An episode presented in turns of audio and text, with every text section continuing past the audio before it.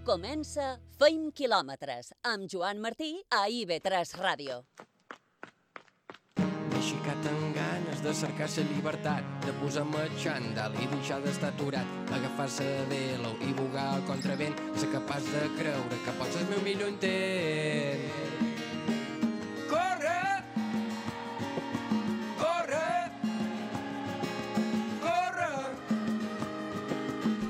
Feim ràdio i feim quilòmetres. Dilluns, 23 de novembre. Programa 209.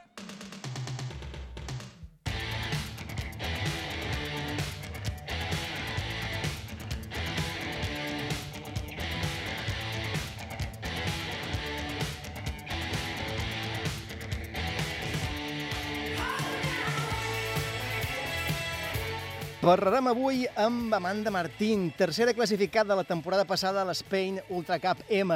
Torna ara a la competició després de dues operacions. Ahir es va estrenar amb un segon lloc a la matinal de la primera edició de la Trail Camp Barberà, Bosc de Bellver.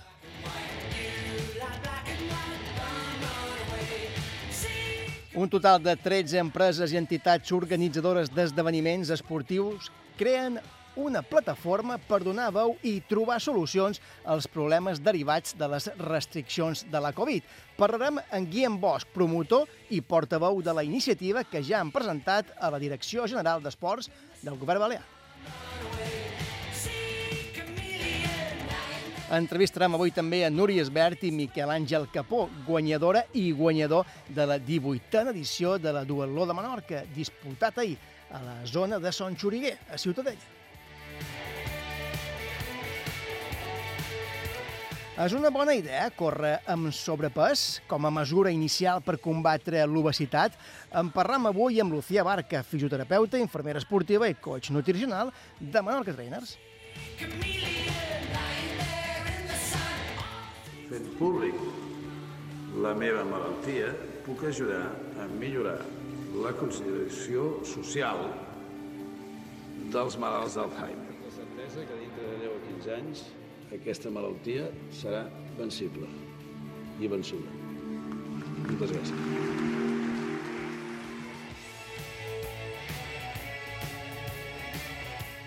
150 quilòmetres per un futur sense Alzheimer. Aquest és el repte solidari que s'ha proposat Jaume Rigo del Club Atletisme Son Cervera. Avui s'ha presentat la iniciativa, o es presenta en aquests moments aquesta iniciativa amb la projecció del documental Bicicleta Cullera Poma, un documental que en Pasqual Margall com a protagonista mostra el procés degeneratiu de la malaltia. Jaume Rigo ens explicarà en què consisteix, com i per què sorgeix el repte.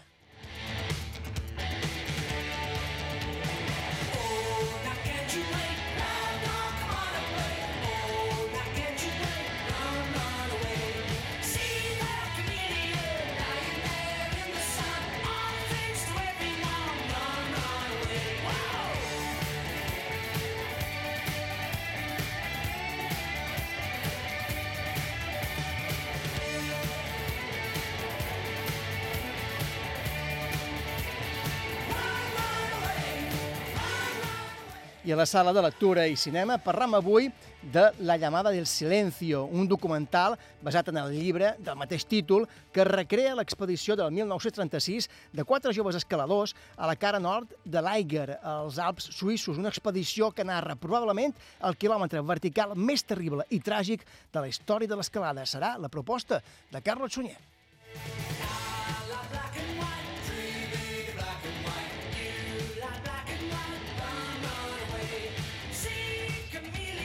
Iker Hernández i Miqui Fiols en el control tècnic, José Sallés a la producció i qui us parla, un servidor, Joan Martí. Començam. La verdad que, que correr mola.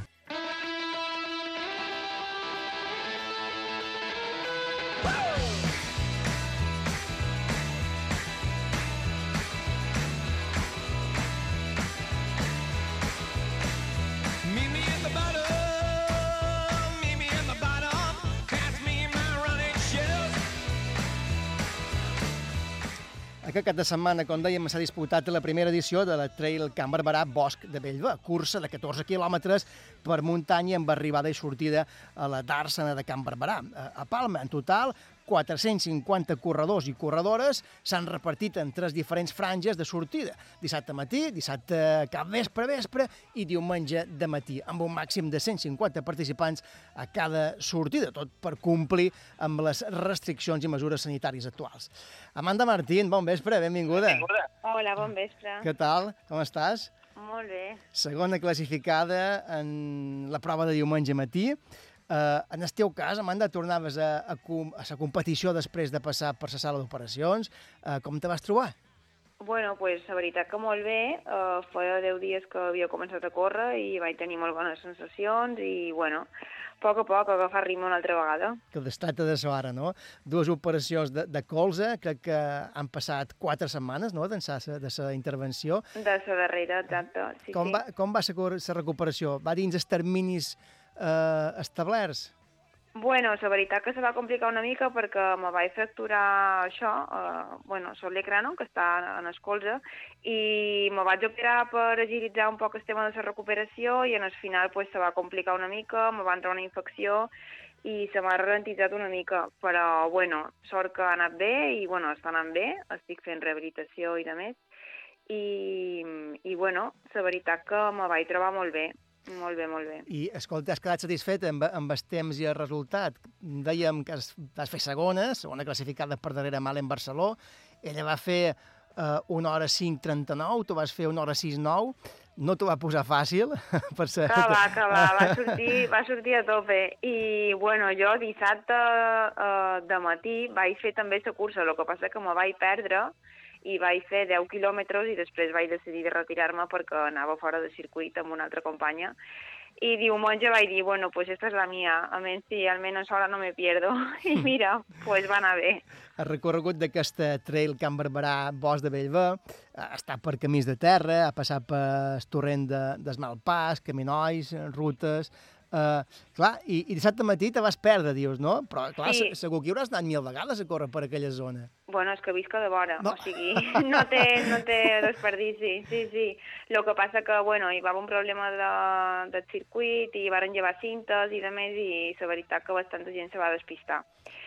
Però diumenge de matí estava tot molt ben marcat i no hi va haver cap problema. Després, la veritat que ho varen arreglar molt bé. Hi va haver molt de voluntaris. Vas descansar 20 horetes i vas dir ara eh, a, donar, a donar el que no vaig donar el dia anterior.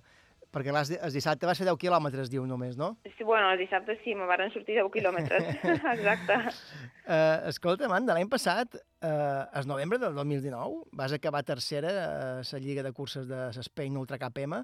De fet, vas arribar a compa compartir lideratge amb, amb Iona Potenci. Uh, aquest any vas trobar a faltar tot això?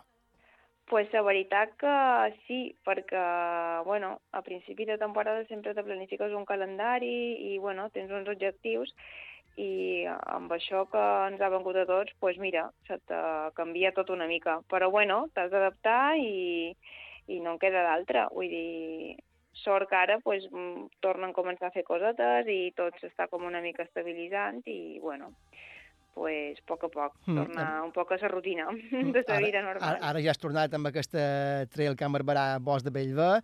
Uh, mira, tu dius ara, o sigui, ara venen, crec que la setmana que hi ha els tres dies de trail a Eivissa.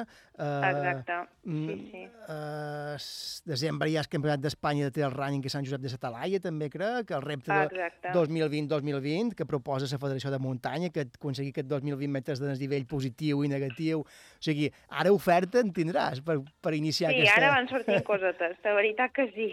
I ja saps quina faràs, quina serà la propera cita, no? Bueno, de moment, la setmana que ve crec que faré un cross i mesclaré una mica, pues, això, fer una mica més ràpid amb una mica més de muntanya. I segons vagi, vagi anant tot. Amanda Martín, segona classificada eh, en aquesta prova matinal de diumenge de la- primera edició de Can Barberà a Castellbell, que continuï per bon camí aquesta recuperació i molt Moltes satisfets de tornar, tornar-te a veure competint. Moltes gràcies. Gràcies, bon. Amanda. Bon vespre. Adéu. Visca 20 quilòmetres!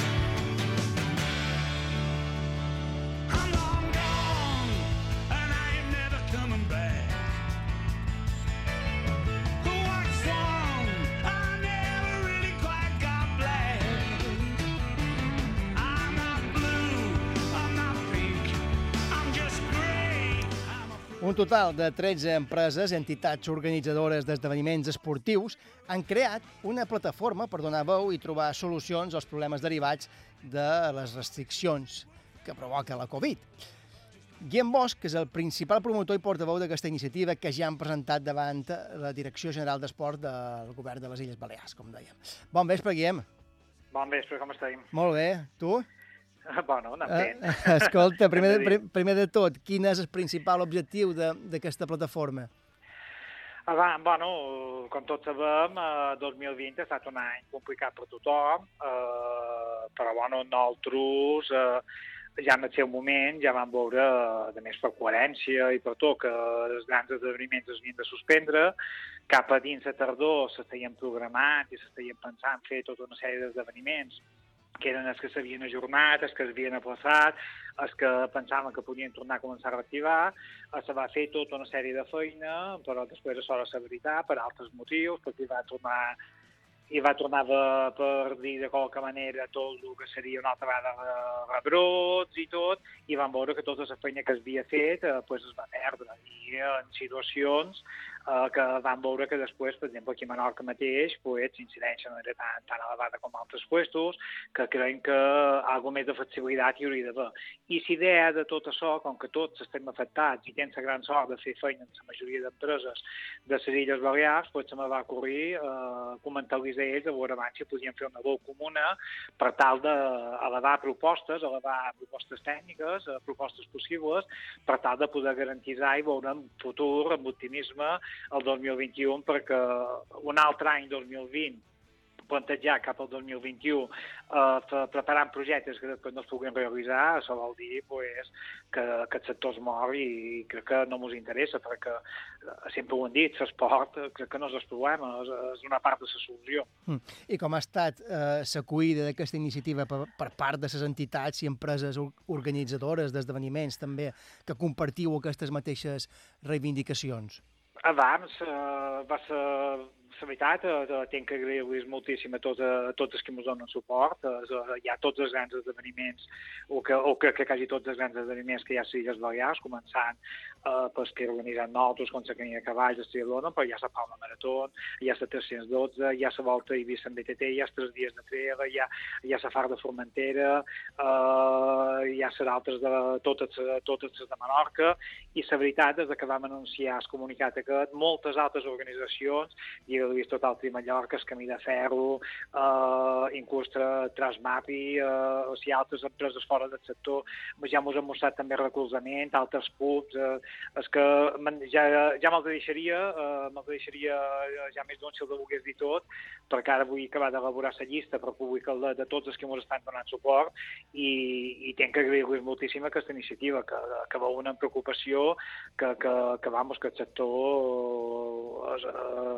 ha de tenir ja un impuls per poder, per poder dir, escolta, 2021 sembla ser que, que se podran començar ja a plantejar coses, però nosaltres el que volem és plantejar-les en coherència amb les mesures que tinguem que aplicar en cada moment, per suposant. No, no, no volem demanar res que no, que no puguem tenir, però sí que, que volem ser part de, de que les mesures que s'apliquin siguin coherents i siguin tècnicament possibles que les puguem executar. Ara mateix te- teniu ja un bon gruix d'empreses, crec que són 13 en total, empreses importants com Elite Chip, Cumulus, mm, Ibiza Half Tri eh, Triathlon, Unisport Consulting, Trideporte, d'Eivissa també.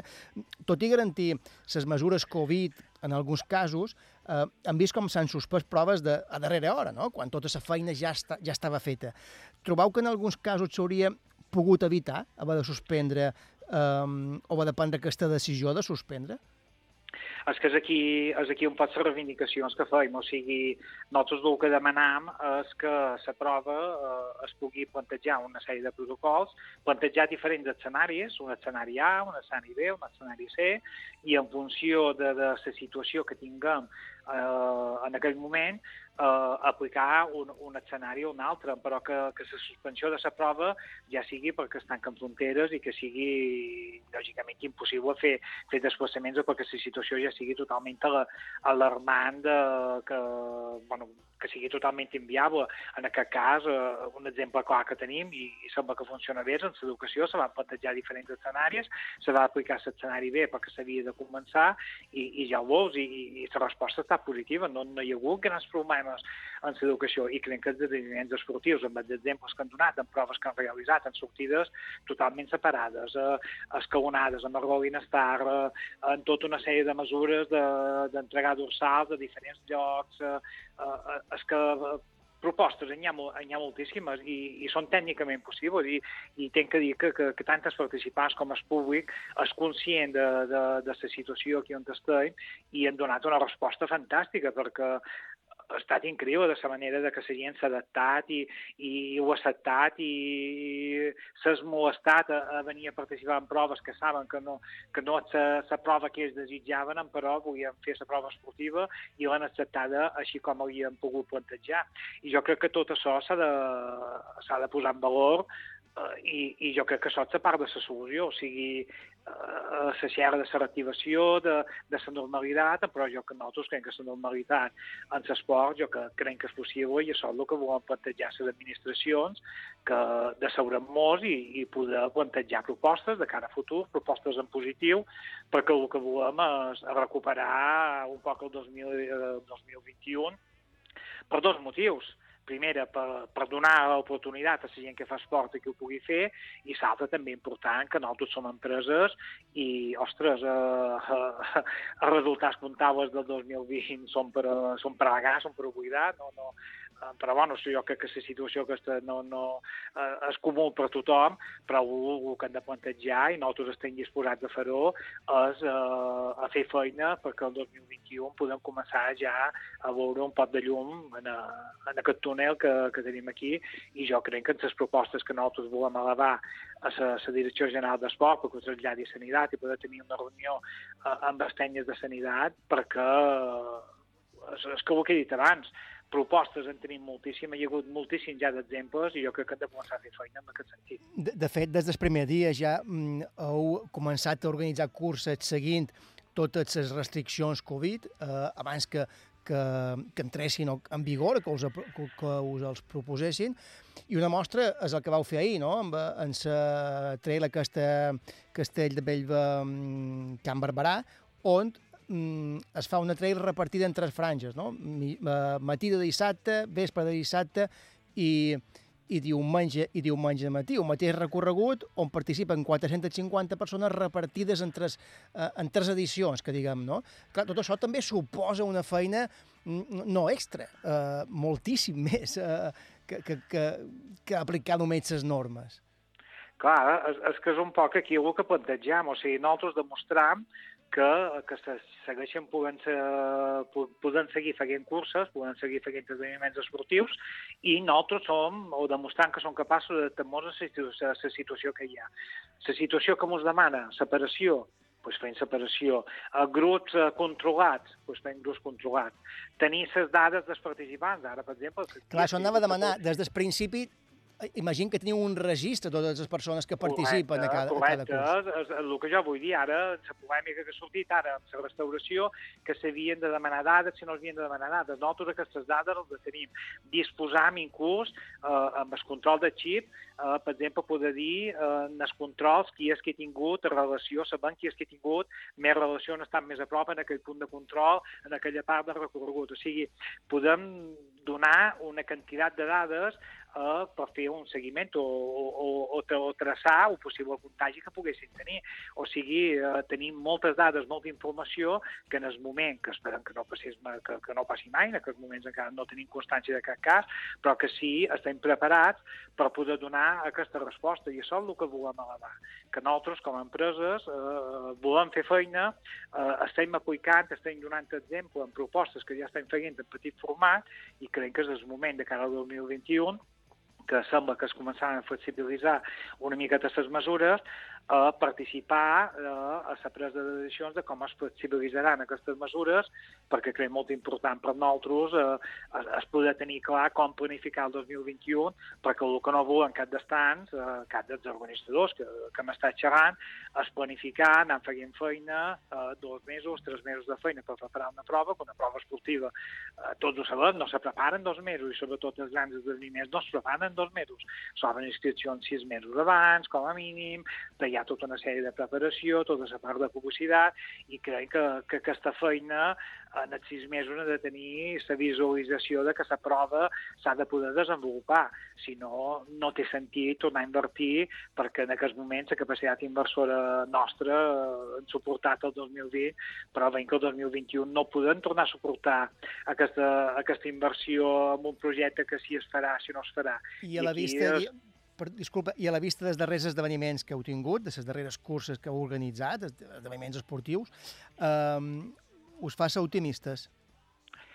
Jo crec que sí, jo crec que l'exemple és claríssim, les fotos, l'imatge eh, eh, que han pogut sortir eh, ha quedat claríssim, o sigui, complim eh, requisits que se mos demana, separació en tot moment, eh, els lliuraments de dorsals, han posat mesures, com per exemple el dorsal únic, el dorsal únic, com que la gent té xip groc, eh, el Però, que però més, enllà de, més enllà d'això, me referia si us fa ser optimistes en el sentit de que en cap de les curses o en cap dels esdevenime- esdeveniments ha sorgit cap brot ni hi ha hagut eh, cap tipus de problema en el sentit de la Covid. Clar, nosaltres això ho hem dit sempre. Dir, jo no hem detectat eh, que, que, que sepi eh, aquí a Balear cap cas eh, que vingui relacionat amb una prova esportiva. Eh, I, diguéssim, va sortir eh, un, bueno, no, no vull dir un bull, va sortir una notícia que per mèrit s'havia conta- contagiat un munt de gent a una cursa i va ser desmentit al cap de, al cap de dos o tres dies. Eh, per, o sigui, per l'estranger s'estan fent proves eh, eh, massives i tampoc eh, s'ha esdevingut grans, eh, grans brots, eh, per no dir cap. I això jo crec que eh, l'exemple està donat i som optimistes de que, de que les proves esportives, així com els aprenentatjats, són segures i això és el que volem traslladar eh, ja, ja no en suposicions, sinó en fets, perquè tenim l'exemple de tota la feina que hem anat fent fins ara. Clar, això és l'important, demostrar que en les restriccions es poden celebrar esdeven esdeveniments esportius i que donen bon resultat en aquest sentit, no? que garanteixen i- la seguretat dels participants. No, i, i, i, l'altra part, que, que s'esport és salut, i, i jo crec que, que, que la societat ha, de, ha descobert amb el confinament que l'activitat física és una part important de, de, de la salut de, de, de les persones, i, i s'està notant. Eh, eh, les bicicletes eh, tenen problemes eh, per donar abast a la venda de bicicletes, eh, va sortir un article que hi havia un 10 o un 15% de, de, de, d'augment de gent que feia esport i jo crec que, que això són dades a, a tenir en compte i això són dades a poder valorar i són dades a, a, a poder tenir en un futur que, que si se recolzen o s'intenten plan- planificar les proves esportives poden donar sortida a que la societat entengui que, que l'esport és una via d'escapament i, bueno, i, i tornar a donar vida a, a l'estructura de, de proves esportives que hi havia a les Illes Balears, que era fantàstica, nosaltres mateixos cronometràvem eh, unes 300 proves d'ensany a les Illes Balears, que són moltíssimes, i no som els únics, o sigui, hi ha més gent que també fa altres proves que, que nosaltres no hi participam, i això jo crec que la salut esportiva de les Illes Balears estaria a un nivell molt alt, i, ostres, sí que estaria guapo que, que, que el 2021 eh, es plantegés o es comencés ja a recuperar la normalitat i nosaltres com a proves esportives o promotors de proves esportives volem ser part d'aquesta recuperació. Guillem Bosch, promotor i portaveu d'aquesta nova plataforma per donar veu única a empreses que volen trobar solucions en aquests problemes derivats de les restriccions Covid i obtenir autoritzacions sanitàries pertinents per poder tirar endavant els esdeveniments. Uh, esperem que el 2021 sigui, sigui un poc millor. Gràcies, Guillem, per haver estat aquí. Ho serà, i gràcies a vosaltres i endavant. Endavant sempre. Una abraçada. Adéu, Guillem. Feim quilòmetres. Thank you.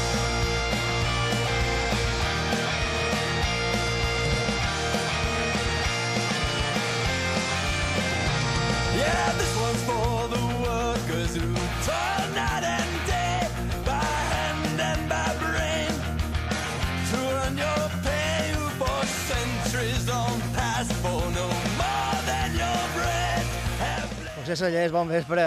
Bon vespre, Joan. Quina feinada eh, que, que té aquesta Sí. gent. Veurem si aquesta iniciativa dona una empenta eh, en el món de les curses. De, de moment, una cursa que ja comentàvem i que s'ha disputat aquest de setmana, eh, com dèiem abans, el Trail Camp Barberà Bosc de Bellver, eh, que ha estat una triple cursa, no? Sí, una triple cursa en aquesta primera edició. Dissabte se celebraren dues que les guanyaren Toni Pujol i Roberto Aguilar en modalitat masculina i Marc Adrobé i Asama Zamu en modalitat femenina i la tercera cursa eh, va ser ahir diumenge i la guanyaren Francisco Valent i Malen Barceló.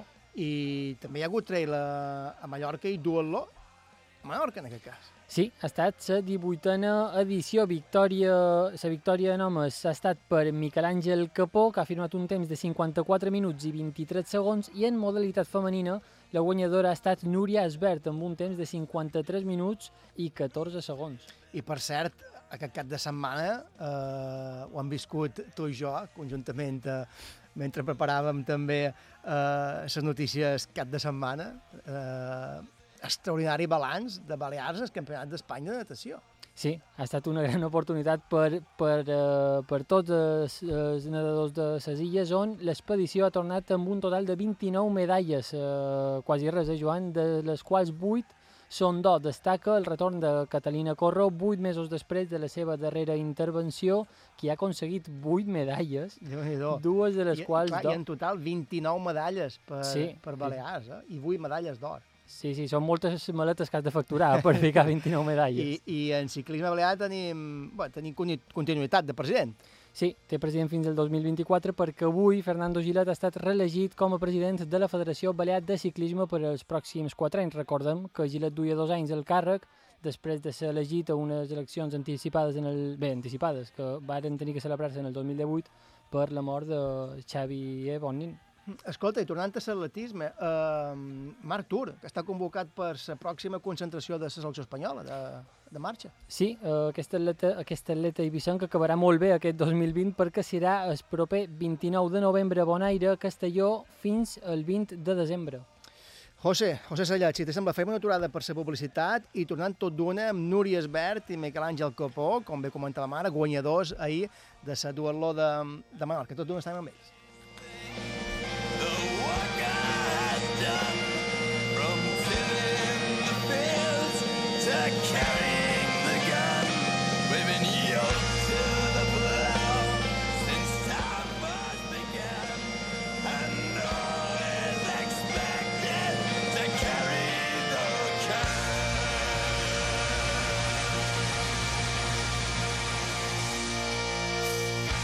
20 quilòmetres. I've got another confession to make.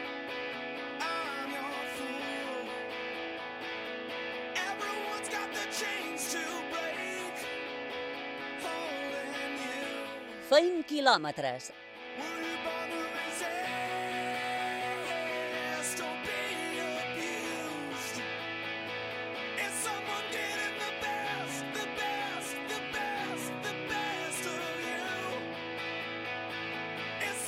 Continuem tornant-se aquí a fent quilòmetres. Núria Esbert i Miquel Àngel Capó s'han adjudicat la 18a edició de la Duatló de Menorca, disputat ahir a la zona de Son Xuriguer, a Ciutadella, un recorregut de 4 quilòmetres 200 metres de correpeu, 19 quilòmetres en bicicleta i altres 2 quilòmetres 800 metres de tornar a córrer a peu després.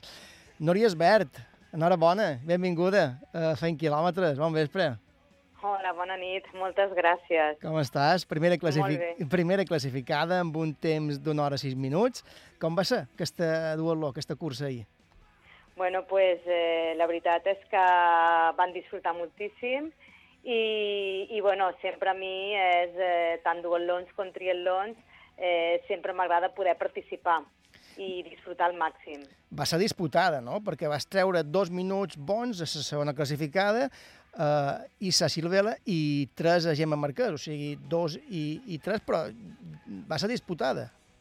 Sí, bueno, el, ara la veritat és que corrents estic bastant bé i bueno, ja vaig treure l'avantatge al principi i després ja, bueno, eh, és que els sprints és el que té, és que és molt ràpid. I és el curs a peu on agafes l'avantatge que després pots mantenir en bicicleta, imagina. Exacte, exacte. sí, sí, sí. Miquel Àngel Capó, corredor de l'escapada Hotels, Hotels Viva, enhorabona també i bon vespre, benvingut a Fent Quilòmetres. Bon vespre, gràcies. Miquel Àngel, com va ser la, prova en el teu, en a, a, a la teva cursa? Bé, també va ser, va ser un poc disputada amb el segon classificat i res, va ser, el segon classificat va ser en Xavi, va sortir, va sortir molt aviat en els primer, la primer, en els primers 4.000 metres, però bueno, a poc a poc el vaig poder anar agafant, després li vaig treure mm, res, un 10 segons d'avantatge que vaig aconseguir mantenir en la bicicleta i vaig poder baixar a la transició número 2 pues, amb aquests 10 segons i que me varen donar al final la victòria. Mm, Sí, perquè tu vaig ser primer eh, classificat amb un temps de 54 minuts 23 segons i, com bé comentes, eh, anaves seguit a prop de- d'en Xavi Vi- Villalonga, que va fer 54-54. Per tant, sí que és cert que us vigilàveu de ben a prop. Sí, sí. Sobretot en la bicicleta va ser bastant agònic, ja que Us trepitjàveu els talons. i, i, Ah. i, i tenies ja darrere. Uh, darrerament, uh, Miquel Àngel, ca- ca- cada vegada que fas una visita a Ciutadella tornes amb una victòria, amb una medalla. Dia, dia 1 de novembre vas guanyar els 10 quilòmetres de la mitja marató a uh, Illa de Menorca, ahir es duatló. Te van bé aquestes visites? Sí, sí, segur que, que hi haurem d'anar més que hem anat. uh, uh, Núria, en el teu cas, uh, ja, ja coneixies el traçat d'ahir? No, aquest no, no el coneixia. Aquest eh, circuit, eh, jo clar, visco, visc a Maó i la veritat és que no havia, no havia anat a Ciutadella i era la primera vegada que participava en aquest duatlon i, i no coneixia el circuit de bici. I en el teu cas, Miquel Àngel, també és la primera vegada que competies a Son Xuriguer, en aquest duatló. Sí, sí, és la primera vegada, no havia competit mai aquí. Núria, i l'any passat eh, vas fer segona classificada en el mig Ironman de Fornells, vens, sí. vens ara de guanyar també a final de setembre el triatló, el triatló olímpic de, de Son Bou, eh, com, en, com en Miquel Àngel, que comentàvem ara, que li va bé Ciutadella, estàs fent un bon final d'any dins, dins el que es pot considerar, Bueno, no? la veritat que tinguent en compte el, el 2020 com, Mhm. com ha anat, eh, pues sí, eh, eh, sí, estic acabant bastant bé. Sí, perquè tot, tot just fa un any, eh, encara no el fa, crec, va ser a finals, No. va ser a finals de desembre del 2019, vas patir Sí. un accident greu, Exacte. important, mentre Sí, entrenaves en sí, bicicleta. sí, sí. Crec que va ser Mm. a l'entrada de les rotondes de, de Maó, no? De Maó, exacte. I, i corregi'm Sí. si m'equivoc, però crec que vas tenir trencament de clavícula, perforació Mhm. de pulmó, eh, Sí. estàs Mm, completament recuperat. Quatre i- costelles Mare de Déu, quatre costelles, també. trencades, sí. Eh, a veure, eh, la veritat és que, que pràcticament no toco la bici. Eh, ara ja, aquest, aquest any, entre, entre l'accident que vaig tenir i tota la pandèmia que està havent, eh, no, surto el que, no surto en bici com feia abans. Mm. Eh, solec entrenar a rodillo. Clar, eh, eh, clar, aquí ens fem una pregunta. Després d'una experiència així, que no sé si t'han quedat seqüeles, però mm, te- t'acosta eh, agafar ritme, no només agafar ritme, sinó sortir a entrenar sense eh, Mm, aquella pressió sí. psicològica pel que pugui passar. Mm, Sortir en bici em fa més respecte. Sortir en bici sola, que abans mm, sortia i no ho penses que te pot passar alguna cosa. Vull dir, perquè mm, me tocava fer bici, sortia a les 6 del matí, al migdia, i, l'agost, vull dir que he sortit, vull dir, per entrenar al half, sempre sortia en bici, no, no, no, no feia rodillo mai. I ara, pues, eh, aquest any, tinguent en compte que, que, que no sabia si hi hauria carreres i no sabia... Pues, la veritat és que només surto els dissabtes en grup per no anar sola. No, Mm. no, de moment encara eh, no, no surto sola. Bé. Però, bueno, però faig rodillo. Fas, fas rodet i te mantens en forma i, i, Sí. i, i en molt bona forma perquè Sí, eh, sí, per no sí. sortir prou bé que t'ha anat, prou bé que t'ha anat, sí, no? Sí, sí, sí, sí, Eh. exacte, sí, sí. Mm, ja saps quina és la propera cita que, que tindràs.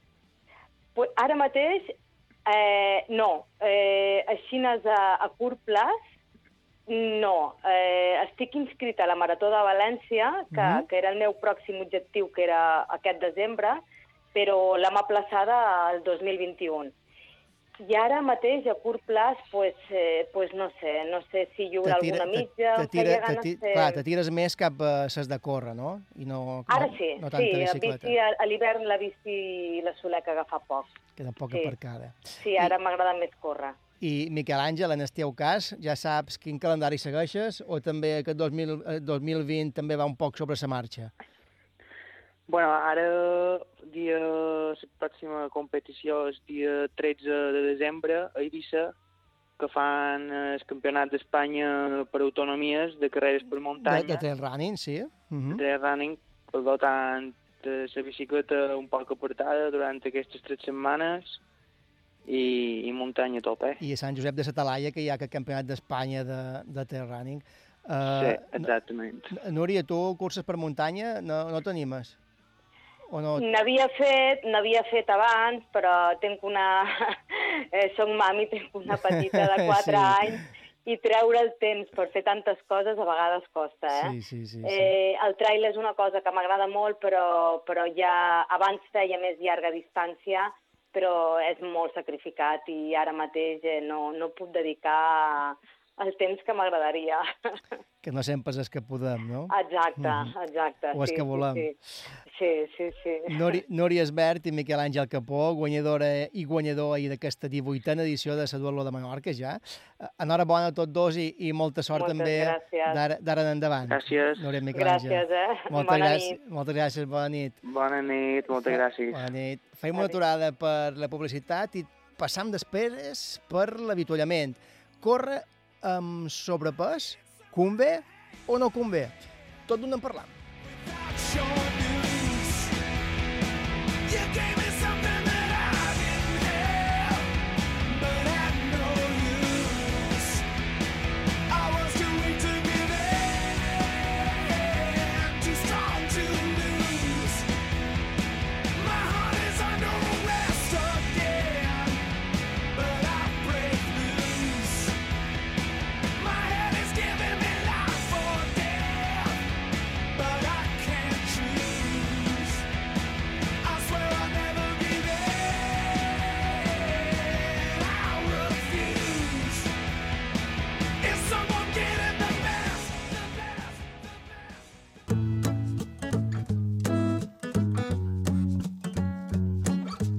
L'avituallament.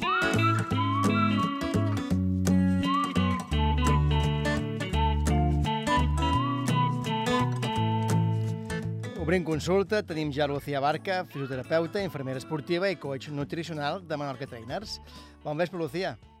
Bon vespre, com Molt estáis? bé, benvinguda una setmana més a Fent Quilòmetres. Parlam avui de si convé o no convé sortir a córrer amb sobrepès per combatre l'obesitat, no?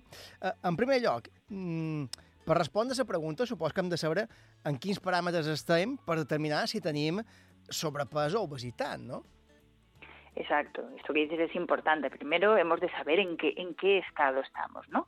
Y si nos basamos, por ejemplo, en lo que nos dice la Organización Mundial de la Salud, habla de que la obesidad es una enfermedad que se caracteriza por el aumento de la grasa corporal asociada a un mayor eh, riesgo de la salud. Y un punto de partida interesante para determinar si tenemos un peso saludable o no es calcular, por ejemplo, el índice de masa mm, corporal, que es un parámetro que, aunque ha perdido un poco de respaldo en los últimos tiempos en alza de una valoración más personalizada, lo podemos tener en cuenta. ¿no? Y os explico un, cómo- un poco cómo.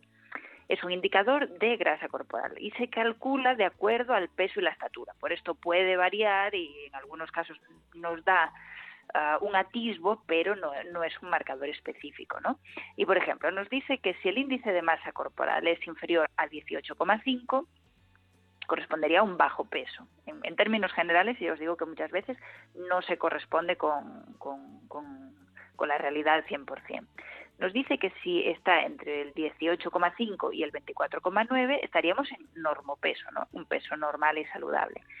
Si estaríamos por encima de, de, 20 de 25 ah, y en- por debajo de 29,5 estaríamos dentro de los valores que corresponden a sobrepeso, entre 25 y 29,9. Y si estamos en un índice superior al 30, estaremos dentro de valores de obesidad. Ah, otro parámetro mm, que sería interesante valorar es eh, la medida de cintura, ¿no? el perímetro de cintura, que también nos puede decir que mm, podamos estar haciendo un acúmulo de, de grasa importante en esa zona y también nos daría pues, pues una visión. Aunque, como comentaba antes, ah, lo ideal es hacer una valoración, una evaluación personalizada con estudios antropométricos eh, específicos. Clar, i perquè l'audiència eh, eh, mos entengui, per calcular aquest, eh, aquest IMC, aquest indicador de greix corporal, com, com ho hem de fer? Se calcula de, eh, en- con el peso y, y la estatura. Sí, sí, però, però Eh, o sigui, clar, te poses damunt una bàscula i te pesa, però eh, eh, eh, això, mm, què fas, una, una equació o... Sí, sí, sí. eh, a ver, en, en muchas farmacias eh, Ja t'ho donen nos- fet, no? ya nos lo dan, ¿no? Ujú. Ah, se formula ah, eh, dividiendo el peso en kilogramos por la, por la estatura metro- en metros cuadrados, ¿no? Esto es lo que nos dice en general. Pero yo te digo que, que lo podemos calcular y, y es un valor interesante, pero que mm, a veces nos puede dar, estamos bien, pero mm, imagínate, eh, una persona que tiene más masa muscular eh, y puede ser un poco inespecífico. Por eso mm, se opta por, por datos pues, Clar, un poco supos- más... també aquí hi deu, hi deu entrar també altres factors, no? Pes de múscul que pugui haver, si entra dins o no. Exacto. Ahora mismo eh, nosotros lo trabajamos mucho, tenemos básculas específicas que ya nos dan los porcentajes, ¿no? Ah, porcentaje de, de- de grasa, de masa muscular, la densidad del hueso y, y- y el agua, ¿no? Y luego también, tam- hay clínicas que, que, que realizan pues unos estudios que mm, es similar a, a una densitometría, nos hicieran una densitometría ósea, pero ahí nos dan todos esos valores antropométricos, ¿no? Por ejemplo, en, en deporte de alta competición se utiliza. Por eso que el índice de masa corporal es interesante, nos puede dar un atisbo, pero tenemos hoy en día ya muchos métodos más analíticos para medir eh, estas cosas con, con más, con, con más especificidad. Clar, perquè parlam d'un problema de salut important. O sigui, segons les dades de, de l'OMS que comentaves, d'ençà el 1980, eh, l'obesitat mundial ha augmentat més del doble. Clar, de, Sí. de, de fet, l'OMS, mm, corregim si m'equivoc, ha declarat obesitat i sobrepès com una epidèmia de caràcter mundial.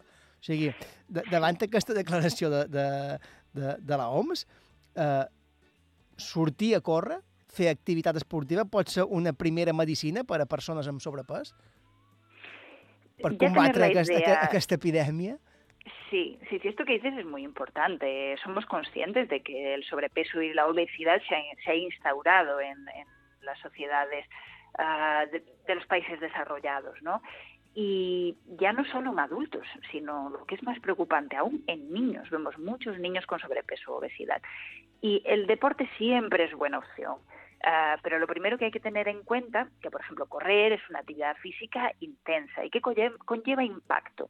Y este impacto a nivel de las articulaciones hay que controlarlo un poco, ¿no? Lo hemos comentado alguna vez. Cuanto más peso tengamos, mayor impacto, que si no tenemos una musculatura adecuada puede generar pues ah, un deterioro a nivel articular. Acordaros que el impacto era bueno siempre que fuera controlado, sin, excedernos y cuando tenemos bajo peso, pues cuando tenemos, perdón, sobrepeso suele ir acompañado, en muchos casos, no quiero decir siempre, de una falta de, fuerza y posiblemente eh, un- una forma física pues que no sería la idónea para empezar corriendo. Pero sí que es una motivación muy importante porque podemos empezar, por ejemplo, caminando y puede ser un objetivo pues empezar a correr, pues mira, pues quiero correr mm, dentro de, de seis meses pues cuatro o cinco kilómetros, ¿no? Y hemos de hacerlo progresivo. I quina seria l'activitat més idònia, més adequada, més apta per, per iniciar-se eh, per una persona que pateix sobrepès o obesitat? Pues depende de cada persona, ¿no? Lo que hablamos siempre, la, la actividad física hoy en día cada vez tenemos esa visión de personalizarla más, ¿no? Pero así a grandes rasgos podemos hablar mm, de, bueno, unas actividades progresivas que combinen trabajo de fuerza, que es muy importante para prevenir lesiones, nos ayudará a disminuir ese porcentaje de grasa, combinado con ejercicio aeróbico, por ejemplo. Caminar y ejercicios con pesas guiados, por ejemplo, puede ser un magnífico punto de partida que conseguiremos mm, trabajando estas dos cositas, ah, pues una disminución de, de esa grasa corporal, un fortalecimiento de nuestra musculatura, a nivel de volumen veremos una reducción importante y bueno, creo que puede ser un, un punto de partida muy bueno. Además, súper importante en estas personas con obesidad y sobrepeso, llevar una vida más activa. Mm, Desplazamientos caminando, pues evitar coger el ascensor, mm, todo suma, esto es muy importante. Uh, sí, a vegades no és tan important l'activitat física o sortir a córrer, sinó tenir la rutina diària, uh, el dia a dia, uh, un poc més actiu, no? Uh, a vegades, i això també és cert, també és corredores i corredors que, que bastant pas, passats de pes, no? en sobrepès, eh, és, és un risc. I, i me ver. refereix en competicions, fins i tot, eh? Sí, sí, sí, eh, sí que lo vemos con frecuencia. Mira, mm, en mi opinión, lo que más riesgo tiene es el sedentarismo, eso desde luego. Ah, igualmente, estar en, en nuestro peso si corremos, pues hará que disfrutemos más, que tengamos menos lesiones y también mejorará nuestro rendimiento deportivo, por lo que mm, en estos casos podría ser interesante pues una ayuda con un nutricionista y un entrenador que, que, nos ayuden, ¿no? Porque sí que es cierto mm, que si estas personas tienen una musculatura eficiente y tienen un poco más de peso, pues bueno, lo compensarán y puede que no tengan riesgo, pero sí que es verdad que eh, si a nuestra mochila personal le quitamos unos kilos, vamos a ser más eficientes en la actividad deportiva. El riesgo de lesión será menor. Por lo tanto, yo, yo creo que mm, es una buena idea pues cuidar un poquito la alimentación y, y- bueno, si podemos estar en nuestro peso mejor. Pero ya te digo que hay eh, personas que corren, todos lo hemos visto, tienen unos kilos de más y no tienen ningún tipo de problema. Entonces No. esto, pues cada uno. Escolta, i també existeixen, crec de fet que és una de les coses que feis a Menorca Trainers, sessions de psicologia per ajudar, eh, o teràpia psicològica per ajudar a la pèrdua de, de, de pes. Per tant, supos que també eh, l'aspecte mental és un component important.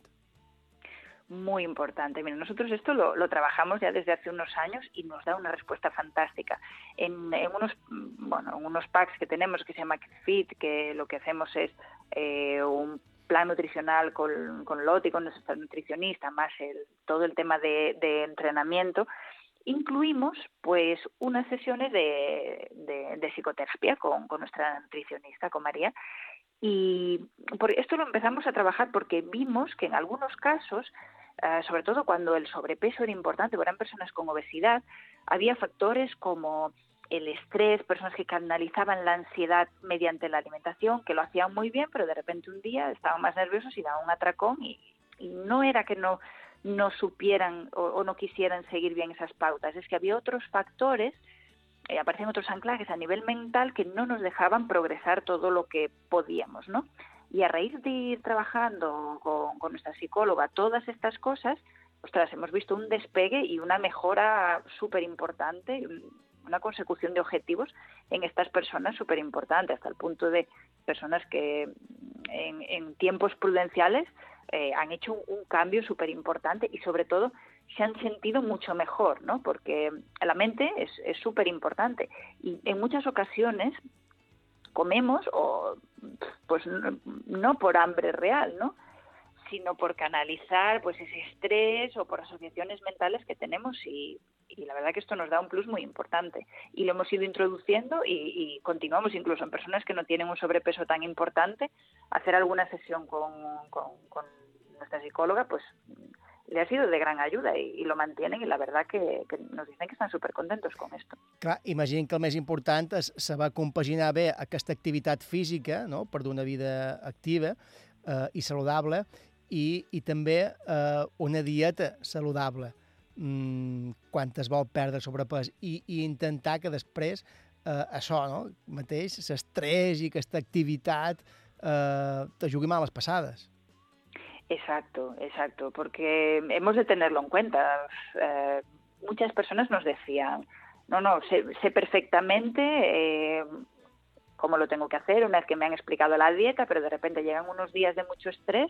Estrès, ansietat, nervis... Que te- Ansiedad, clar, sí, sí, sí, porque a veces era estrés laboral. eh, Ujú. Y dices, no tiene nada que ver, eh, pero sigo con mi plan de actividad, pero de repente hay cuatro o cinco días que me como dos paquetes de galletas cuando me pongo nervioso, ¿no? Intento no tener en casa, pero voy al súper y lo canalizo ahí. Clar, I llavors tota aquesta, aquestes i tota, coses- tota aquesta feina de, uh, física o, o, de, o de seguir un pla, de, de una dieta, se'n va, se'n va en orris.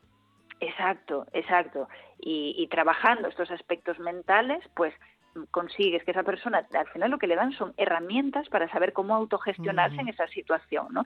Y, y, claro, les aporta mucho autocontrol. La verdad es que ah, el tema de, de- de trabajar con, con psicólogos es algo que mm, te da un plus. Nosotros lo hemos podido comprobar estos últimos años y incluso con deportistas que mm, se preparaban para alguna prueba, a veces la gente nos ha pedido, oye, ¿puedo hacer una- unas sesiones? Y, a nivel mental, pues le había ayudado mucho a gestionar esos momentos de estrés, al tema de la visualización y la verdad es que es súper, súper recomendable. I, I una persona que ha tingut una vegada està dins d'uns paràmetres saludables ja, eh, té encara més risc de, de lesió que una altra persona? Pues no tiene por qué si ha hecho un buen trabajo de fortalecimiento y no tiene lesiones previas. Ah, puede ser un exitoso corredor y disfrutar de muchos años de carreras, ah, siendo además un ejemplo para otras personas con, con sobrepeso que quieran dar eh, el paso. Nosotros tenemos un caso muy curioso, uno de los primeros usuarios, que pacientes que tuvimos en Menorca Trenes, era un- una persona pues mm, ya con 60 y algo de años, que le había dado un infarto, que necesitaba perder 30 kilos, que fumaba muchísimo y a raíz de hacer dieta, él siempre de joven había, corrido y le gustaba mucho, pero claro, es que no podía andar, vamos, ni, ni dos calles rápido porque ya se fatigaba. Y se puso como objetivo en un año correr 10 kilómetros y lo consiguió. Y hoy en día, que ya han pasado pues siete años desde aquello, sigue corriendo semanalmente y habiendo perdido esos 30 kilos y sintiéndose súper bien. Y es un ejemplo para muchas otras personas de su entorno que han decidido dar el paso de cuidarse, mm, comer sano, pues dejar los malos hábitos como el tabaco Lucía, y correr. i, i ho hem de deixar, ho hem de deixar que arribàvem a les notícies de les 10. Lucía Barca, t'esperam la setmana que ve amb un altre tema tan interessant com aquest. Una abraçada. Una abrazada. Adeu.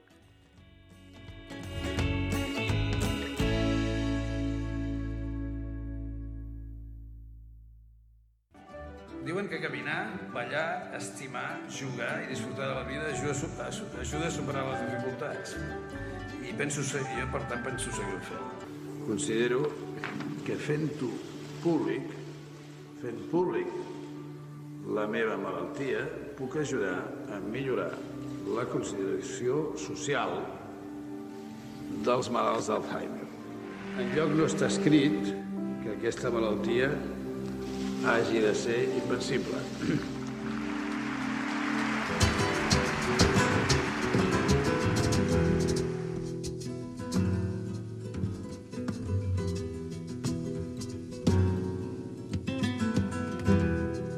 L'entrevista.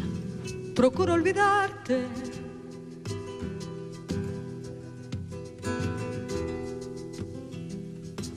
Procuro olvidarte. Siguiendo la ruta del pajarillo. 150 quilòmetres per un futur sense Alzheimer. Aquest és el repte solidari que s'ha proposat Jaume Rigo, del Club Atletisme Son Cervera. Avui, fa res, s'ha presentat la iniciativa amb la projecció del documental Bicicleta Cullera Poma, una pel·lícula documental que amb Pasqual Maragall com a protagonista, expresident de la Generalitat de Catalunya i exbala també de Barcelona, mostra el procés degeneratiu i cruel de- d'aquesta malaltia. És només una de les milions d'històries que, que amaga aquesta malaltia. y de nuevo comprendo que te necesito. Jaume Rigo, bon vespre i benvingut a, a Feint Quilòmetres. Hola, bon vespre, Joan. Com estem? molt bé, acabant de sortir fa molt poquet de, de la presentació de repte i de, de la projecció del documental que, que has anomenat I res, primer de tot, voldria donar-vos, bé, agrair-vos en nom del Club Atletisme Sant Cervera i a títol personal que mos ajudeu a donar visibilitat eh, en aquest gran petit repte. Com ha anat, com ha anat eh, la presentació, Jaume? Bé, la veritat, eh, hem pogut recaudar 122 euros més, que tot, tot, tot suma, i molt bé, per ser Sant Cervera en dilluns i una cosa que ha estat com un poc improvisada i que vàrem anunciar en poc més d'una setmaneta, pues, eh, ha, ha vengut, ha vengut genteta i no s'ha omplit ni molt manco, però, però bé, el manco hem, hem, hem recaptat algo més de, de dos ves, que de lo que se trata, i, i, i la gent que ha vengut ha pogut disfrutar d'aquest documental que, que crec que és molt gràfic i, i que mostra un poc el que és, lo que és aquesta cruel malaltia. Mm. Uh, Jaume, com i per què sorgeix aquesta idea de que, de que repte, no? Fer, uh, corregim si m'equivoc, però que són 20 voltes en els de Savont i de Penyal en temps màxim de 24 hores. En total, com dèiem, 150 quilòmetres i 7.200 metres de desnivell. Sí, eh, bueno, eh, això neix, com, com sabeu, eh, aquest any ha estat un any zero per lo que es refereix a tema carreres i això, i jo som aficionat a, a fer carreres, sobretot de, de llarga distància, m'agrada molt qualsevol tipus de carreres, però eh, m'agrada més el tipus, de, tipus, tipus ultras i, i carreres de llarga distància per, per la muntanya. Aquest any tenia dos objectius, els dos objectius en el final se n'han anat s'han, no, no s'han pogut dur a terme degut a, que s'han suspès per, per el Covid. I, i clar, eh, jo ja tenia, tenia, tenia els entrenadors fets, tenia ganes de, de, de, de fer qualque, qualque, de viure una aventura, i de tot d'una ho, ho havia pensat fer directament des de que nostra, muntem amb un parell d'amics i, i com que jo estic a 200 metres de, de lo que és aquest circuit, que és el circuit típic per on sol entrenar normalment entre setmana, Uh, pues vaig dir, ostres, dic, pues mira, dic, provaré de fer 10 o 15 voltes en aquest circuit i un dia, dic, en teoria volia anar a fer l'ultra de la serra de Tramont- de la Travessa, que se diu ara, però com que també s'ha cancel·lat, vaig dir, pues faré el mateix dia o per dates similars, ja que duré d'entrenos més o manco fets per aquesta època, i ho faré. I quan vaig veure que no se podia fer, uh, vaig cercar una alternativa, me'l van re reinventar quan ja vàrem fer aquest estiu. I, i en el final lo que, lo que ho vaig pensar de fer això i després, escoltant el vostre programa i qualque programa més de ràdio, pues, veu- veus que hi ha gent que, que també en el final li ha donat, un, ha, li ha donat un, una vertent solidària, el que fa, i dic, mira, pues és una, és una manera de, de, de poder fer algo solidari, de treure un, un dos bes i per ajudar, eh, eh, en, aquest cas he triat la Fundació Pasqual Margall, que el que fa és investigar sobre l'Alzheimer. I res, vaig dir, va- vàrem, vàrem, vaig, vaig mirar d'organitzar un poc com, com volia fer aquest repte, i en el final me vaig tirar de cap i vaig dir, pues mira, 20 voltes, i xerrant amb el meu entrenador, li vaig dir que tu te pareix que seria capaç de fer-ho en 24 hores, i vàrem fer quatre números i això, i bueno, és un repte per jo, que som un corredor popular, Uh, lo meu és un, uh, vaig justet de temps, però bueno, es pot aconseguir. I corrent a casa i per una causa, pues crec que hi ha un, un poc més de motivació per intentar, intentar aconseguir-ho. I res, un poc va néixer així.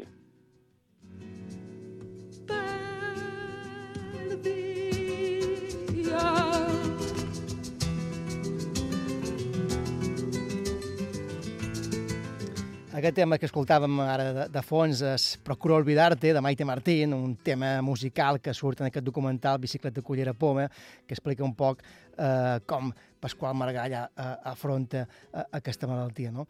Um, L'objectiu és donar visibilitat, eh, Jaume, no només a la malaltia, sinó també per, per, per fer evident no, la seva crueltat, evidenciar, evidenciar que, que, que no és una malaltia rara i que tots eh, hi estem exposats. Tot això, com comentaves, ho faràs amb l'ajuda del Club Atletisme de Son Cervera i també de, de la mà de la Fundació Pasqual Maragall, fundació que fa feina en la recerca i investigació per un futur sense Alzheimer. Saludam a, a Glòria Oliver, que és gerent de la Fundació Pasqual Maragall. Bon vespre, Glòria, i benvinguda al programa.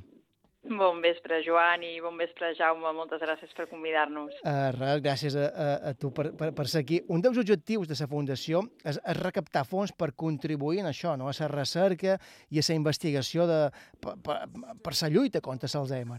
I imagino que aquest tipus d'iniciatives, d'una manera o altra, també ajuden a visibilitzar.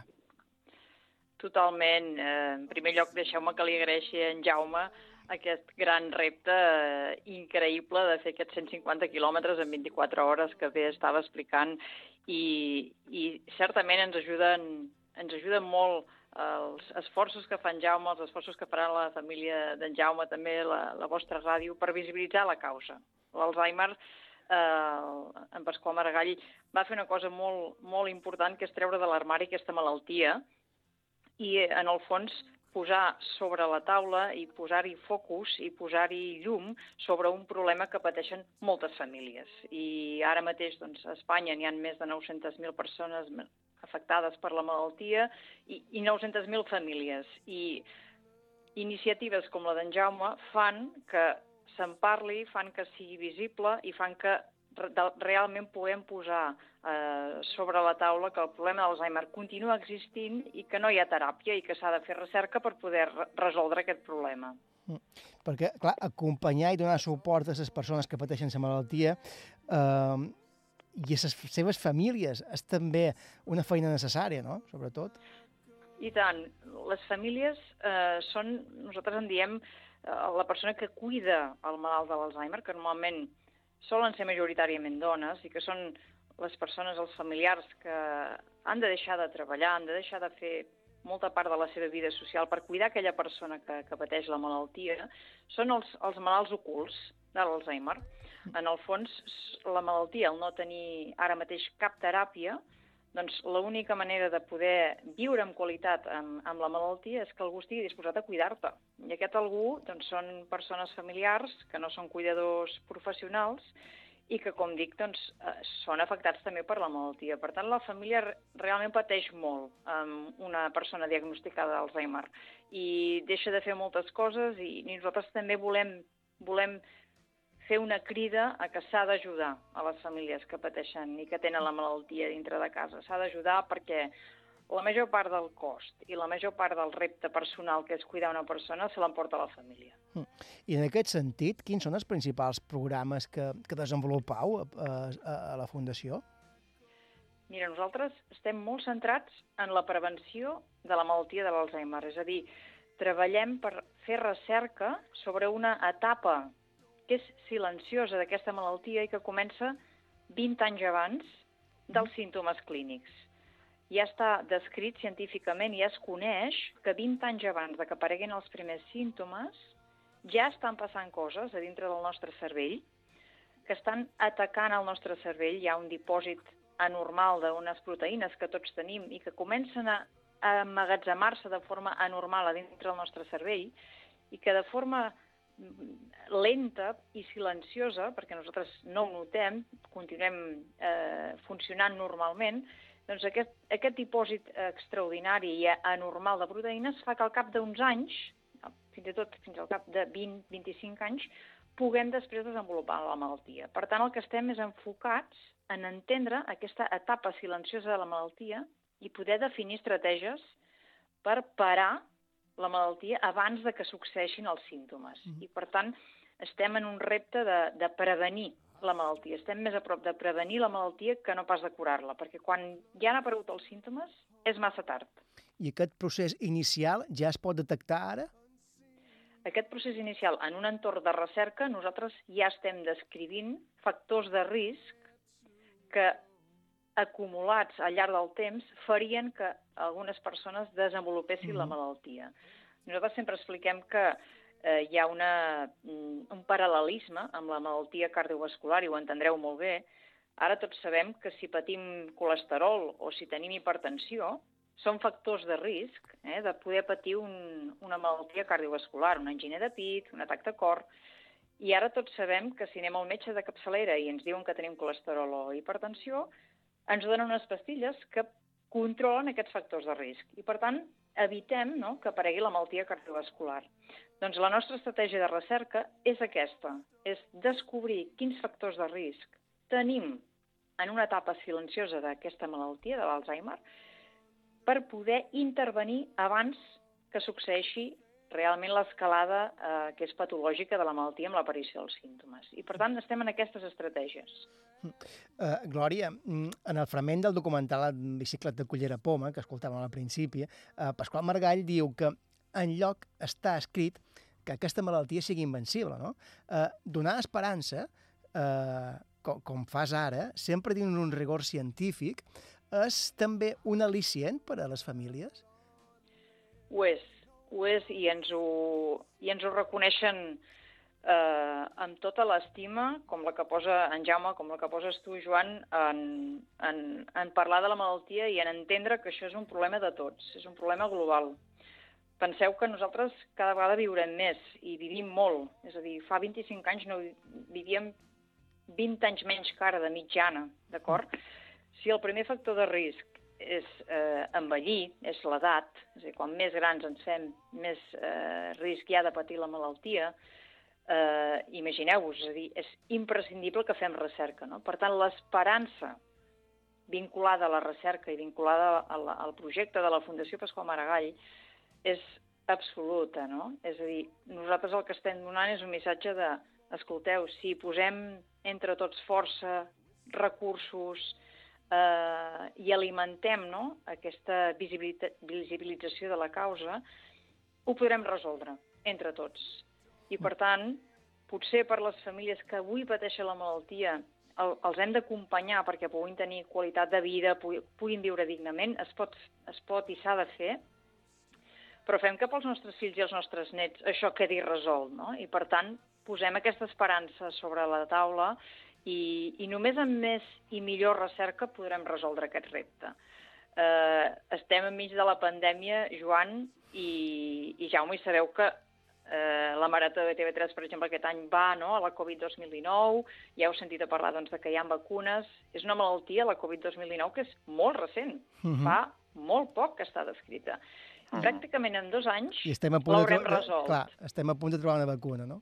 Mm. I sabeu quants anys fa que està descrita la malaltia d'Alzheimer? Fa 100 anys. I us preguntareu, com és que no hi ha una teràpia encara per una malaltia que fa 100 anys que està afectant a les persones, no? Doncs mireu, és una resposta molt fàcil. Eh, la priorització de la recerca ha anat vinculada històricament a les malalties que provocaven la mort a les persones. Per exemple, el càncer, per exemple, la malaltia cardiovascular, i l'Alzheimer, per desgràcia, s'ha vinculat molt com una conseqüència natural de l'envelliment. I això l'ha desprioritzat en les carteres de priorització de recerca de tots els entes governamentals que us podeu imaginar. Fa menys de 15 anys que Estats Units, Europa, ja han canviat les prioritats i, evidentment, han posat eh, les demències, la primera causa de demència és l'Alzheimer, com una prioritat número 1. No? L'Alzheimer ara mateix està considerat ja una pandèmia estructural. I, per tant, tots els esforços posats per resoldre aquest, Clar, aquest Glòria, problema. Glòria, és clar, una pandèmia estructural, has dit que a Espanya hi havia 900.000 casos. Sí. Eh, crec que he sentit bé. Eh, mm, vaja, mm, si no és una pandèmia, és similar, també. Eh, Ho és perquè, en el fons, eh, dels 900.000 casos, que com, com, com ja sabeu, les famílies el, el pateixen, els malalts d'Alzheimer no estan a l'hospital, estan a casa seva, d'acord? Estan sent cuidats per les seves famílies. Eh, el, el cost que té aquesta malaltia està assumit dintre de les famílies, en, el, el 80% del cost d'aquesta malaltia està assumit dintre de les famílies. Per tant, és, en diem, un- i, i se la descriu no? com una pandèmia estructural perquè, per una banda, l'envelliment de la població farà que aquests números vagin a pitjor i, per una altra, el cost social que té aquesta malaltia, no? que al final les famílies són qui les pateixen i això s'ha de, de poder canviar, eh? s'ha de poder eh, assumir que en els eh, governs hi ha d'haver pressupost per a aquestes famílies i perquè puguin doncs, assumir dignament aquesta etapa. Glòria, Glòria Oliver, gerent de la Fundació Pasqual Maragall, fundació que, com han dit, fa feina en la recerca i investigació per un futur sense Alzheimer, com tan bé ho has explicat. I sempre hi ha gent com en Jaume que eh, està disposat a donar-li visibilitat. Ara li toca a ell fer, fer quilòmetres, Jaume. Jo, exacte, jo volia dir una cosa. Primer de tot, la Glòria, no t'havia dit res. I, Hola, i sobretot, i, sobre, sobretot agra agrair-vos a vosaltres per la vostra feina, perquè jo al final fareu una cosa que m'agrada molt, que és córrer, i, i l'únic que, que he fet ha estat intentar muntar tot això per, per un poc això, donar visibilitat i ajudar en el meu petit gra d'arena eh, el que se pugui eh, per donar visibilitat a, en aquesta enfermedad que, com bé has explicat, estaria, estaria com un poc eh, a una banda de, de lo que és una enfermedad que, que, que, que, que, que se pateix molt i que, i que, no, que no tenia la visibilitat que, que hauria de tenir. Gla- Jaume, jo et vull desitjar molta sort, sobretot vés en compte, 150 quilòmetres són molts, és a dir, que molts estiraments, mo- molta hidratació i, i, i també felicitar-te, no? Felicitar-te per aquesta valor i aquesta animositat de convidar no, a tots els, els, els teus companys, companyes, famílies, i jo dic que tot el poble, tot Mallorca, ha d'anar a veure en Jaume. Escolta'm, aquí... I anirà, i, i anirà molta gent, segur que sí. Sí, i si no poden venir, el manco que facin aquest petit donatiu, tant una banda com a l'altra, per, per internet, que ho poden fer, que sigui contribuint en el poc que sigui per, per augmentar un poc més aquesta xifra que ja tenim, que han arribat en els 2.500 euros, però que, que l'han de superar. Glòria Oliver, gerent de la Fundació Pasqual Margall, moltes gràcies també per haver estat fent quilòmetres. Gràcies a vosaltres, bona nit. Adéu, Glòria. Uh, Jaume, uh, com deien, tu pertanys al Club Atletisme Son Cervera. Uh, Mhm. Aquest repte que has proposat són 150 quilòmetres, uh, 20 voltes per Puig de la Font i de Penyal. Comentaves que els coneixes bé, no?, en aquesta, en aquesta zona. Sí, sí, sí, és, és, és, eh, és la zona per on sol entrenar normalment. Si tinc més temps, sol anar per part de llevant, per Artà, i qualque vegada, clar, que mos escapam a la serra. El que passa que, clar, entre, en, entre setmana i això, eh, el que tinc més a prop és, és, és aquest circuit que, que, que, que tenim aquí. Clar, Ho aquest- tinc a, a, a, a 300 metres de canó. Aquest repte l'assumeixes tu, convides el poble de Solana Cervera que vengui a animar, a contribuir i col·laborar, també a, a, tot, a tot Mallorca, però eh, hi haurà trams que faràs acompanyat o ho faràs Sí. sempre en solitari? Qui No, vulgui no, venir a no. córrer amb tu pot venir. No, no és així, exactament, perquè, clar, si no hagués el Covid, estaríem encantats que vengués tothom qui volgués uh, Clar, a clar, acompanyar-me. clar, clar, sí. Perquè, però, clar, quan ho varen proposar també a l'Ajuntament i un poc això, sí que varen dir que havien d'anar un poc en cura amb això, i el que farem ja sí que tenc companyeros i socis, socis del club, inclús qualque, qualque familiar que sí que, em- que me vol acompanyar qualque volta, i crec que, crec que aniré totes les voltes acompanyat, Mhm. perquè sempre trobaré qualcú.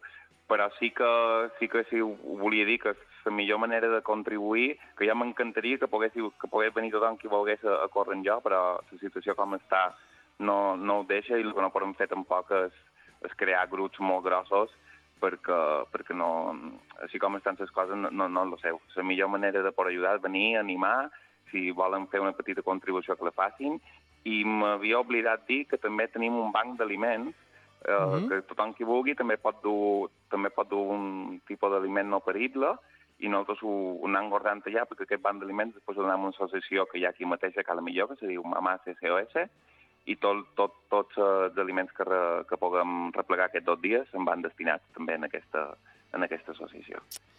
Jaume, Jaume Rigo, enhorabona per aquest repte, per aquesta iniciativa de donar visibilitat a la malaltia de l'Alzheimer, 150 quilòmetres per un futur sense, sense Alzheimer. Uh, confiem que vagi molt bé, que la recaptació sigui Esperem molta, que sí. la recaptació sigui, sigui molta i enhorabona per tirar endavant una iniciativa com aquesta. Moltes gràcies i, i res, ja, ja vos contarem com, com ha anat tot. Ja i tornarem a sobretot- xerrar, ja tornarem a I xerrar. sobretot, a veure si traiem molt de, molt de dolces, que és de lo que se trata. Gràcies, Jaume. Moltes gràcies, Joan. Gràcies. Montserrada. Fem Adéu. una, res, una aturada per la publicitat i tornant tot d'una. Carlos Sunyer eh, es proposa avui una expedició als Alps. just for one day.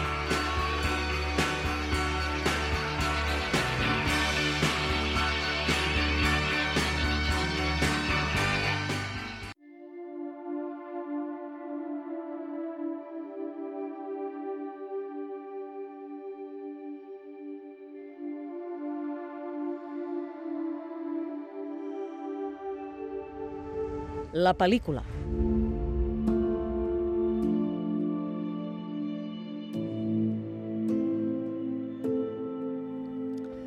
Entrem ja al darrer tram de programa. Arriba Carlos Sunyer, avui amb una proposta que és eh, emocionant i, i sorprenent. Eh, gairebé d'una tensió sobrecuidora, podríem dir. Carlos Sunyer, bon vespre. Bon vespre, Joan. Uh, parlem avui de La llamada del silencio, de Beckoning Silence, Mm, un documental que recrea l'expedició del 1936 de quatre joves escaladors a la cara nord de Saiger, als Alps suïssos. Mm, Una expedició que narra probablement, crec, jo no sé, corregim tu, mm, l'expedició més terrible i tràgica de la història de, de, de l'escalada, sinó una de les més terribles i, i tràgiques. Uh, Carlos, qui eren aquests quatre joves i, i per què volien pujar aquesta paret, no? Uh, quina història hi havia darrere aquesta muntanya? Mira, has dit bé, és una de les històries, eh, si no probablement la més eh, dramàtica, a la vegada que emocionant, fascinant, inoblidable de la història de l'alpinisme. Aquests quatre, de que l'any 1936 intentaven per segona vegada arribant a, a cim de la cara nord de, de, de Seiger, perquè les altres cares de Seiger són bastant assequibles, no tenen res a veure. Eren Antoni Kurs i en Andy Hinterstreuser, que eren els dos alemans, eh, junt amb en Willy Angerer i en Eddie Reiner, dos austrians. Bé, en realitat eren 10 al principi. L'equip inicial eren 10, però a les pràctiques anteriors, allà en els Alps, a la zona de Jungfrau, eh, un d'ells va caure, va morir, i molts d'ells van decidir abandonar i aquests quatre varen quedar amb aquesta voluntat de ferro, també coincidint amb el moment històric eh, eh, que ja malauradament eh, contaminat per la política de sa, del partit nazi, perquè clar, era una espècie d'honor que els alemans se volien adjudicar i ja un anys abans eh, n'hi havia dos, en Meringer i en Setmayer, que ho van, ho van intentar, van estar cinc dies a la pret i una tempesta els va atrapar i van morir 3.300 en el famós vivac de la mort. Me demanes aquesta muntanya, clar, és que Seiger, clar, jo l'he tinguda davant i no l'oblidaré mai, perquè jo, eh, quan vaig estar en aquella zona, vaig escalar el Jungfrau i el Mont, que són les altres dues muntanyes, però a nord de Seiger no ho oblidaré mai. Eh, això que vaig trascar, vaig fer bastant de metres cap a dalt fins a arribar a les finestró del ferrocarril.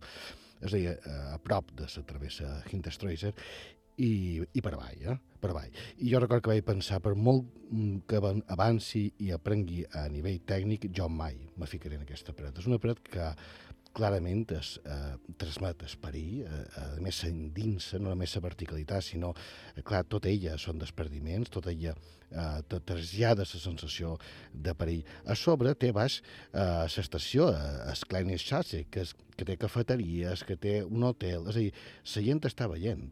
De fet, hi ha uns prismàtics allà posicionats, hi ha gent encara avui en dia que van allà només per veure com avancen aquests alpinistes i molts d'ells s'estan jugant sa vida.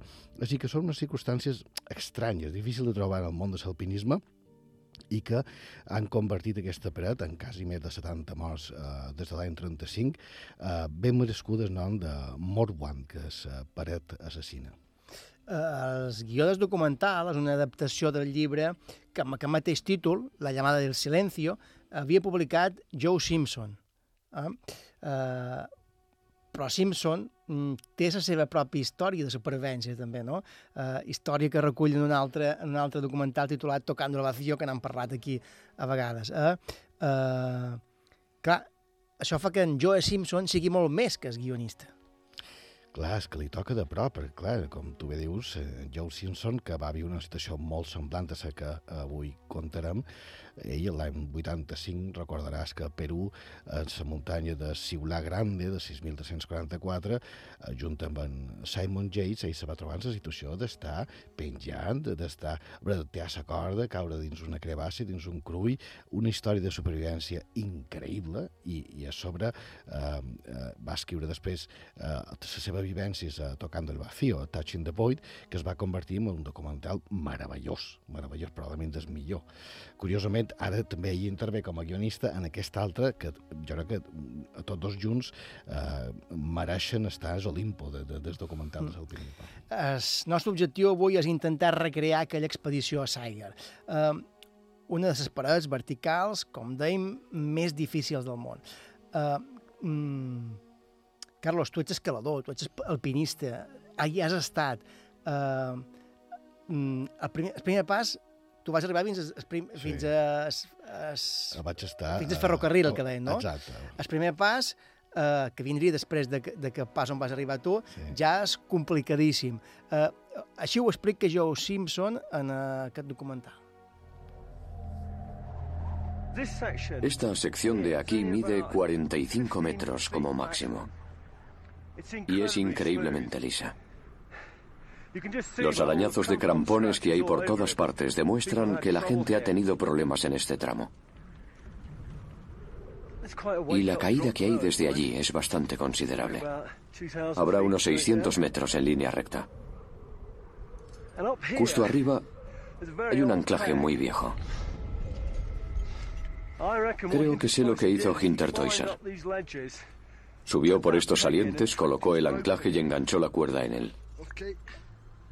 Así, con la ventaja de la cuerda que tenía por encima, pudo atravesar esta parte tan lisa de arriba a abajo mientras sus compañeros mantenían la cuerda en tensión.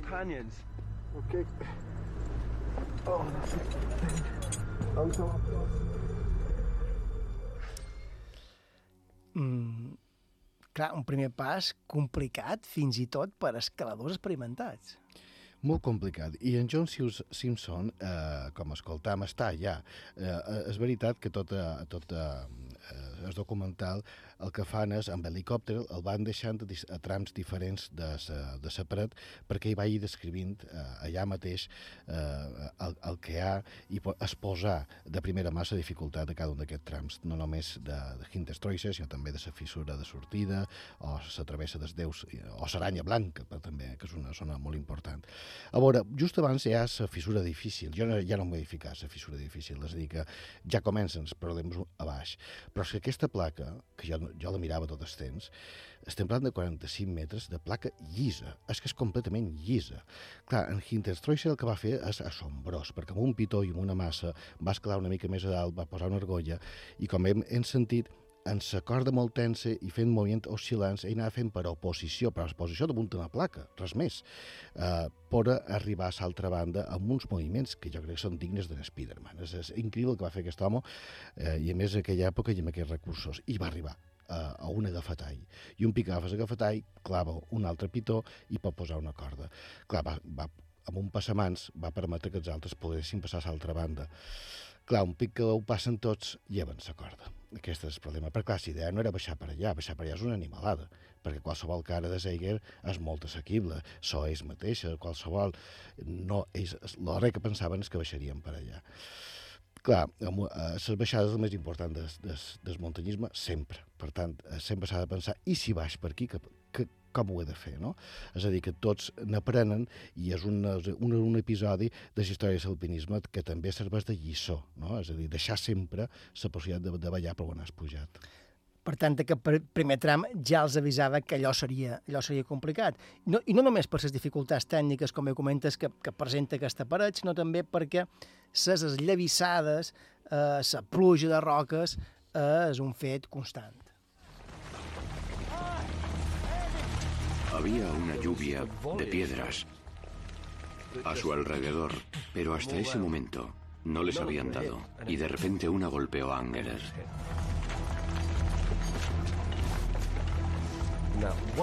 En ese instante en que escuchas el horrible sonido de una piedra destrozándole a alguien la cabeza, el tiempo debe de detenerse un segundo.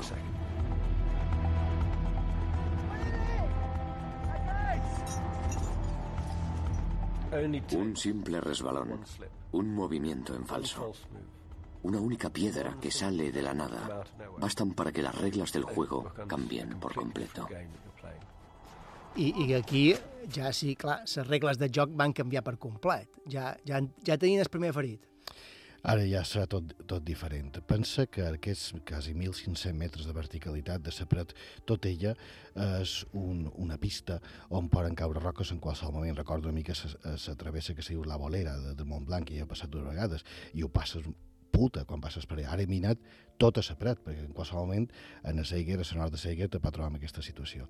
Uh, clar, aquesta, aquesta roca que li va pegar en el cap uh, uh, en, en Angerer, això ja ho canvia tot. Uh, no duen casc, tampoc, en aquella època. Uh, li va pegar de ple i idea era si, perquè ell estava conscient, encara tenia forces, volia continuar, clar, havien passat el pas més difícil, tenien dos neveros llargs, podien arribar al vivat de la mort i a partir d'aquí enfilar cap a la travessa dels déus, és a dir, ho tenien, la manera de poder continuar si eren ràpids, perquè el microclima que hi ha és delicat, no? en qualsevol moment se pot complicar. Per això avui en dia la gent prefereix els, els millors del món, clar, escalar a Sivent, perquè així eh, no hi ha aquests desprendiments i, i se solidifica molt eh, amb el gel i, i la neu i és més fàcil passar, no? Però clar, eh, has de passar una fretada també, és a dir, que tot, tot són complicacions. Clar, arriba un moment en què dos dels escaladors eh, estan ja a pocs metres de, de cim, però també eh, els més complicats, no? Eh, mm, els altres dos escaladors han quedat enrere i pràcticament no tenen forces per continuar. Eh, aquí es presenta el primer gran dilema. Mm, Dos que poden continuar, dos que no poden continuar. Sí. Eh, així ho explica Joe Simpson. Me imagino lo que sentirían Kurz y Hinterstoiser, que no estaban heridos. Yo en su lugar habría pensado, esto no puede ser. No podemos escalar a esta velocidad. Seguramente aún tenemos lo más difícil por delante. Supongo que le habría dicho a mi compañero, oye, ¿tú crees que estos dos pueden bajar solos? Porque nosotros podemos seguir por nuestra cuenta. Yo creo que Angerer y Ranier no se lo hubieran pensado de haber sido conscientes de la situación. A esto hay que sumarle que estaban donde Sedelmayer y Mechringer habían muerto el año anterior. Clar, aquí una decisió o altra de continuar endavant pujant per aquesta paret pot condemnar eh, a ells dos o a tots. Mm, finalment renuncien a fer cim. Clar, i això... I de te- fet estan en el punt on l'any anterior Ah, es, va, exa- es van morir. Eh, Exactament, en, en Beringer i en Setmayer. Um, amem, i, i, i, I resulta que tant en Kurz com en Hinte- Hinterstoiser, els dos alemans, curiosament, eh, estaven plen de forces, estem parlant de 21 i 23 anyats, eh, veuen, veuen sa manera i, i tenen una finestra bona de climatològica, és a dir, que bé, haguessin fet cim aquests. Però clar, com baixen els altres dos també? És a dir, haver estat, com s'haguessin sentit després ells sabent, perquè no, no haguessin sobreviscut una baixada tan vertical, no haguessin passat el pas a Hinterstoiser. Per tant, han de renunciar per salvar en Angerer. Però clar, salvar en Angerer vol dir eh, la desgràcia de tots ells eh, en, en qüestió d'hores. Eh, Aquí és on entra la famosa llei de la muntanya. Són decisions molt difícils, però qualsevol d'elles s'ha de comprendre, perquè, clar, curiosament després, l'any següent va passar el mateix en dos italians i van acabar caiguent a l'abisme. És a dir, que eh, una muntanya molt verge en aquella època, molt difícil d'entendre i, i crec que està molt bé eh, el sentiment de solidaritat i companyerisme que varen tenir per salvar en Anguera, no? Eh, malgrat les circumstàncies que li vengueren després. La decisió està presa, desfan les seves passes, decideixen no fer cim i comencen a baixar lentament per allà on abans havien pujat. El descenso al primer nevero fue dolorosamente lento. Ahora todos eran conscientes de la gravedad de su situación. No podían ascender para refugiarse ni podían seguir bajando. A sus pies había un abismo de más de 200 metros. Sabían que si no lograban superar la travesía, estaban atrapados. Lo que no sabían es que lo que había hecho Hintertoiser a la ida no podía hacerse a la vuelta. I això és el que comentaves abans, no? Sí. Arriben novament en el pas, que es diu ara pas Hinterstoiser, mm, i s'adonen que la maniobra que havien fet de pujada, de baixada, no la poden fer i, a més, no han deixat la corda posada. Clar, perquè ara ell el, el que havia de fer és, l'oposat, és a dir, fer aquest moviment en diagonal però ascendent, quan els altres no paren tirar de la corda. De fet, estan arraconats, és a dir, i perden fins i tot visibilitat del, dels seus moviments. Per tant, aquella maniobra... I sobre, la temperatura havia caigut, s'havia desplomat, ja havien passat un bivac a la paret, estaven ja eh, debilitats, eh, aquell estava pràcticament inconscient tot el temps, és a dir, la cosa complica moltíssim i han de reaccionar el més ràpid possible. L'única manera és muntar ràpels, muntar ràpels i acceptar la verticalitat que li s'espera i guanyar terreny, guanyar metres. Però clar, com baixaran en el ferit i com baixaran els que està més dèbil? Uh, en Hit Stroiser va, una altra vegada va ser el que va agafar la iniciativa i va començar a muntar les primeres reunions amb pitons per fer els primers ràpels. Ara ho contarem. Malgrat, malgrat tot, mm, ho intenten, ho intenten fins a, fins sí. a, fins a darrere. Sí, sí. Uh, fem una aturada i tornem tot d'una.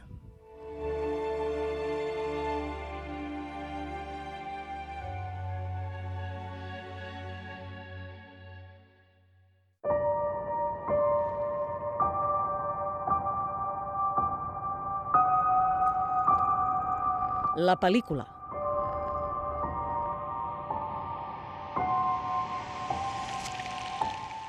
Tornem aquí, escoltau Fent quilòmetres a la sintonia d'Ibeter Ràdio. Som ja en el darrer tram de programa. Eh, ratllem avui de La llamada del silencio, de Becon in Silence, un documental que recrea l'expedició el 1936 de quatre joves escaladors a la cara nord de Saiger, una, una paret als Alps suïssos. Una expedició que narra probablement, ho han dit al principi, el quilòmetre vertical, aquest 1.500 metres més terribles i tràgics de la història de, de l'escalada. Carlos, érem en el punt en què no poden continuar, els quatre escaladors, eh, el descens havia començat, eh, però tot es complica cada vegada, cada vegada més. Sí, és una situació espantosa i a sobre, com he explicat abans, visible. És a dir, eh, de, des de les cafeteries de baix veuen els problemes. Eh, Una, part positiva que té això és que activen ràpid els rescats, perquè poden fer un seguiment del que està passant a Sapret. De fet, ara ho recordo que l'any 63, amb en Rabadà i Navarro, dos espanyols, també va passar el mateix. Eh, I això permet eh, Clar, però nosaltres estem parlant de l'any 36, clar, Clar, no? l'any 36, sí, sí, però sí, però, però se va activar rescat. Eh? A, a baix tenien gent, de fet, tenien vuit des que havien abandonat de l'equip inicial que els seguien, i en prismàtics, per tant, tot d'una, l'equip de rescat va anar per, aquesta, per aquest ferrocarril que forada per dintre fins arribar eh, en el Jungfrau i en el Monk, eh, i surten per aquesta finestra que guanya molt d'espai a la muntanya, però és que justament la meteorologia era molt, molt adversa. Per tant, tot se conjuntava perquè el drama go- goitàs amb força en aquesta situació. De fet, hi ha un moment mm, en el documental on es veu que hi ha gent a la zona del ferrocarril que els hi demana si tot va bé, i ells diuen tot, tot va bé. Sí, sí, sí. Uh, cridant te senten. De fet, uh, diuen que de paret poden arribar a sentir es, es, es renoves de, des, des cafè i tal, perquè clar, es, es soba cap a dalt i és, és un impacte molt gran el contrast d'estar jugant a la vida i sentir la gent com I se- sentir com, com fas cafè. Se eh? el cafè, sí. Curiós. Sabem què volen fer, on volen arribar, però res poden fer per evitar la segona es llavissada. La fuerza del golpe debió de ser inmensa. Una terrible avalancha los atrapó como si fuera un tsunami.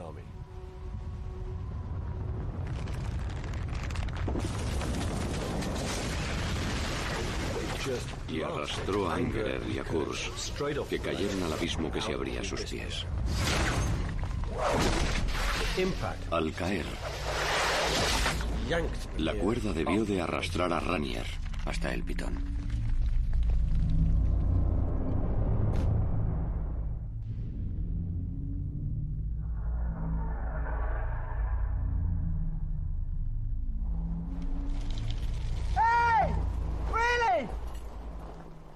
Clar, en aquest punt ja no hi ha expedició. Bueno, hi ha expedició, però l'objectiu principal de, de l'expedició és salvar la vida. I ja, ten- ja tenim el primer mort, d'Angerer, crec, no? Sí, sí.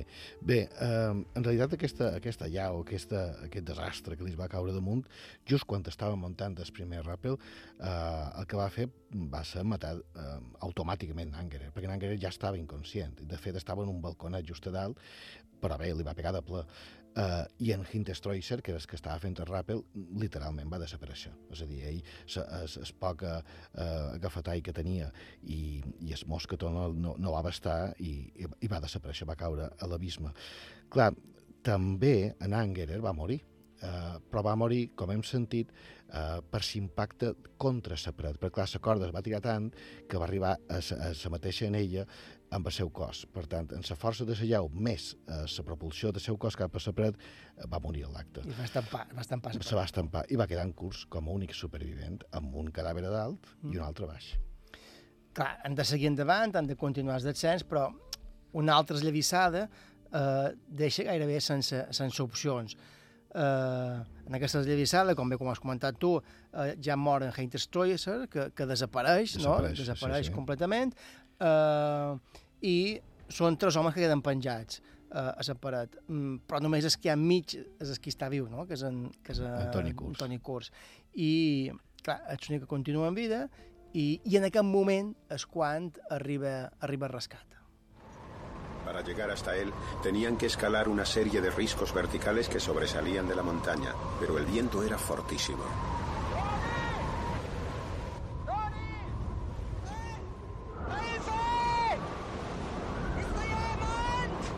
Tony Kurz siguió gritándoles que no podían llegar hasta donde estaba desde abajo, que tenían que subir y luego bajar rapelando hasta él. El problema es que no podían. No podían hacerlo en esas condiciones. Se estaba haciendo de noche y no podían arriesgarse a que la tormenta los pillara desprotegidos. Morirían ellos también. Por eso le dijeron a Tony que tendría que esperar hasta la mañana siguiente, que tenía que aguantar.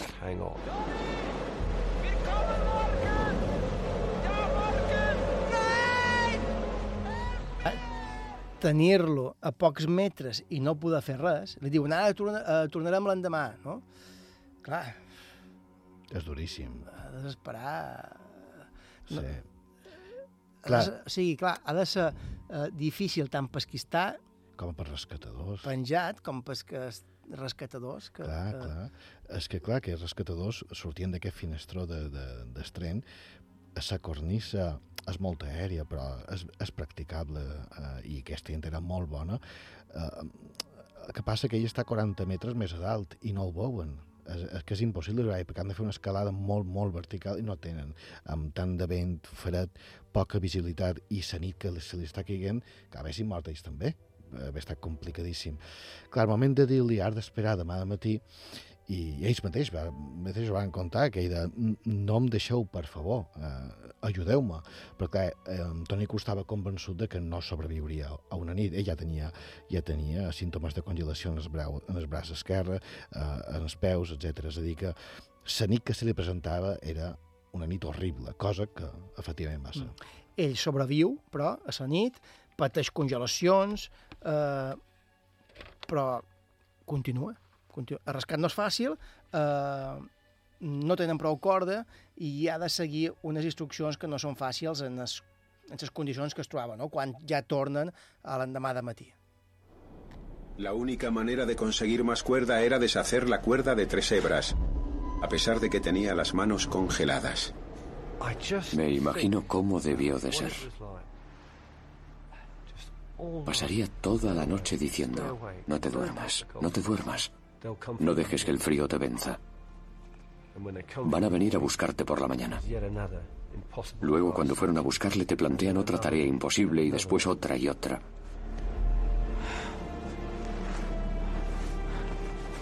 Me trae unos recuerdos terribles. Clar, en aquest moment en Joe Simpson, per això que és més que un guionista, recorda eh, la seva, sa seva experiència també, no? penjat eh, eh, al Perú. Però en aquest cas és pitjor encara, perquè en, en Toni Kurz ho tenia quasi fet. I aquell nus que se fa és la seva mort. Clar, ja, ja abans, perquè li diuen el que ha de fer, ja abans eh, ha hagut de tear la corda per desprendre-se des, del cadàver d'en Ryder, que estava just abans, i ha d'escalar per arribar en el que està en el balconat i aprofitar la corda de, conjunta per tirar-la per avall. Però clar, ha de desfer eh, filams, no? com, com hem sentit. Però és massa feble i no, se, no pot fer un ràpid amb això, si no hagués, hagués arribat. Però sí serveix perquè li, ferme, li fermin una corda i aquesta corda li arribarà. Problema, eh, la corda era curta, no era, tan, no era prou llarga. Per tant, varen fermar una segona corda. El nus no, no el va fer ell, el varen fer baix. I li varen avisar que havien fermat una altra corda. Però cap de saber el que va sentir el que no. I el moment que ell va recuet la corda, va decidir posar-se un mosquetó ventral a l'apertura no massa gran, sense, per què? Perquè ell no se fiava dels seus braços i seves mans per fer un ràpel net, perquè podia fallar i, i haver esquigut. Però, clar, eh, aquest nus no pot passar mai, perquè, perquè mosquetó és impossible, i s'hagué de donar compte quan ja arribava. I el moment que arriba, en la tensió, ja queda bloquejat ja dins. Si hi ha una persona en situació normal, ja m'ha passat amb una escalada normal de res, que on tot d'una mà baixen, és impossible desfermar-lo, perquè és massa, massa fort. Imagina't un home que té les mans pràcticament congelades. Ho intentava amb les dents, segurament. És a dir, que la situació de ser espantosa. Clar, tan espantosa que, que va morir a només 15 metres de l'equip de, de rescat, no? Clar, el tenia de tocar i no el podien despenjar quan encara era viu, és terrible. És terrible, de fet hi ha una famosa fotografia que el tenen just de vora, 15 metres, i ell va dir allò tan conegut de I'm done, ho ha, ho ha dit Balamà, no? Eh, eh, he acabat, és a dir, he contat tot el que he pogut i està allà, està allà. Eh, la foto és esgarrifosa, perquè veus la foto i dius, moment, però tio-li una corda o el que sigui, no? Però és que, clar, eh, el punt de vista de la fotografia no fa, eh, no fa justícia al que realment estava passant, perquè no, no havia manera d'arribar a ell, és impossible. Si ell no feia un, un moviment, o, o si eh, aconseguia desfermar aquesta corda i emplear un altre que li tirassin, però com? El moment de que aquell nu no passa, ell ja no pot baixar més. I, clar, eh, ells no poden pujar també i se crea la situació d'impotència més greu de la història de l'alpinisme. Això no se supera. I a sobre a 15 metres. És a dir, que seguint testimonis de la mort d'un gran alpinista en el moment més tràgic i amb un, amb un final d'un rescat que ni és, ni és guió més, més, més, eh, més tremendista de Hollywood ho superaria. Perquè, clar, és un heroi, eh, ha sobreviscut d'una manera assombrosa, estat capaç de resoldre per ell mateix eh, eh, problemes que sense un rescatador semblen impossible i just per un, un nus que ell no va tenir present i que se li va passar, eh, no podia passar per mosquetó, aquell home es queda penjant esperant sa mort. Clar, per això deies al principi que aquesta expedició de l'any 36 ha servit després d'escola eh, mm, per a moltes expedicions posteriors. Fixa't si és així que Suïssa, després d'això, eh, va prohibir l'escalada de la. De fet, va dir que era una experiència per gent mentalment trastornada. Això va dir el propi, el propi estat eh, suís, i ho va prohibir. Clar, va durar quatre mesos la prohibició, però la pressió, especialment del partit nazi, va ser molt gran perquè era una victòria que volien aconseguir. De fet, en el 38 ho varen aconseguir. I, curiosament, eren una altra vegada dos alemans i dos austríacs, que també van passar una llau, una llau terrible a la zona de, de Saranya Blanca, per cert, és un llibre meravellós sobre tot això, no només d'aquesta, sinó totes les experiències de la nord, i van aconseguir fer cim l'any 38 eh, amb en Heikman, que era el líder, i que va trobar també una via encara més, més segura, però passant tots aquest, aquests grans problemes.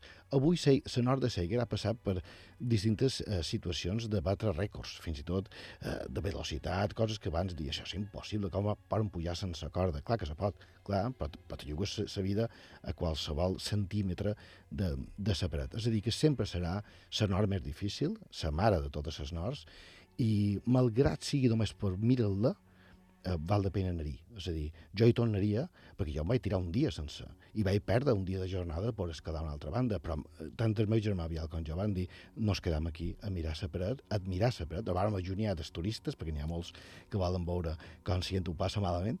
Bé, que no havia ningú escalant. I, i vàrem fer aquest, aquesta petita escalada més de ciència per experimentar una mica què és pujar a nord, però eh, eh, tinguem molt present la nostra inferioritat respecte a altres alpinistes. Clar, per arribar a aquest punt de poder competir, a veure qui és més ràpid pujant aquesta paret, quan abans era una paret infernal, que ara també ho és infernal segurament, Sí, però, sí, sí. però que no, no hi havia manera de superar-la, han hagut de passar tots aquests anys. I, Clar. mm, clar, si aquella gent que Antoni Curs, tota aquesta gent, vo, vo, veu com està avui en dia aquest món de l'escalada, diria, ostres, eh, Clar, clar. Mm. Però sense l'experiència prèvia tots aquells no, no sabien per on No, clar, passar. clar, o sigui... És a dir, que marquen el camí. van morir eh, més de 10 persones en aquesta paret, o Sí, bueno... quasi 70 sí, ja, veia. dir, perquè avui en dia es facin aquestes competicions de solo, quasi, no?, de, de pujada. Efectivament, efectivament. Home, sí és una mica, una mica de gent un poc, eh, bé, eh, radical.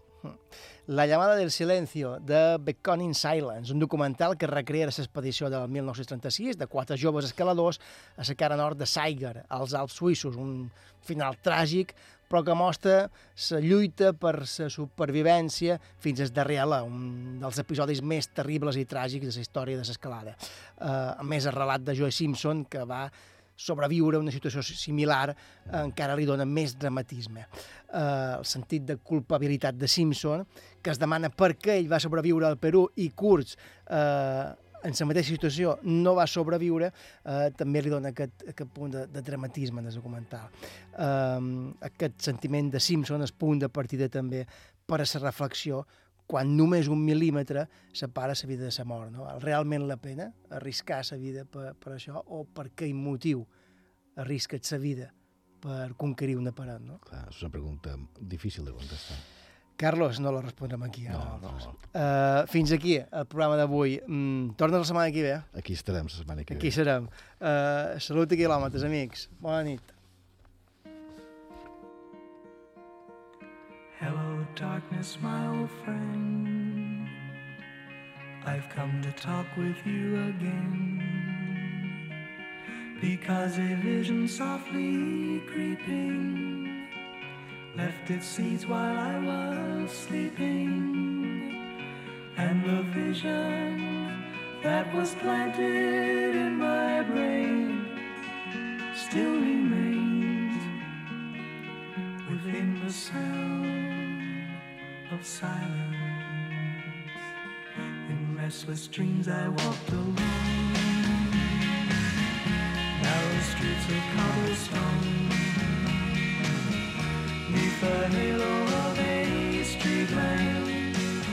I turned my collar to the cold and damp.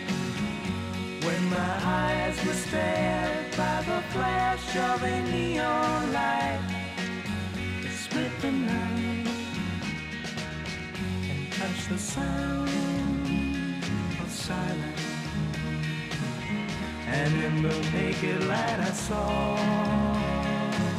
10,000 people, maybe more. People talking without speaking. People hearing without listening. People writing songs that voices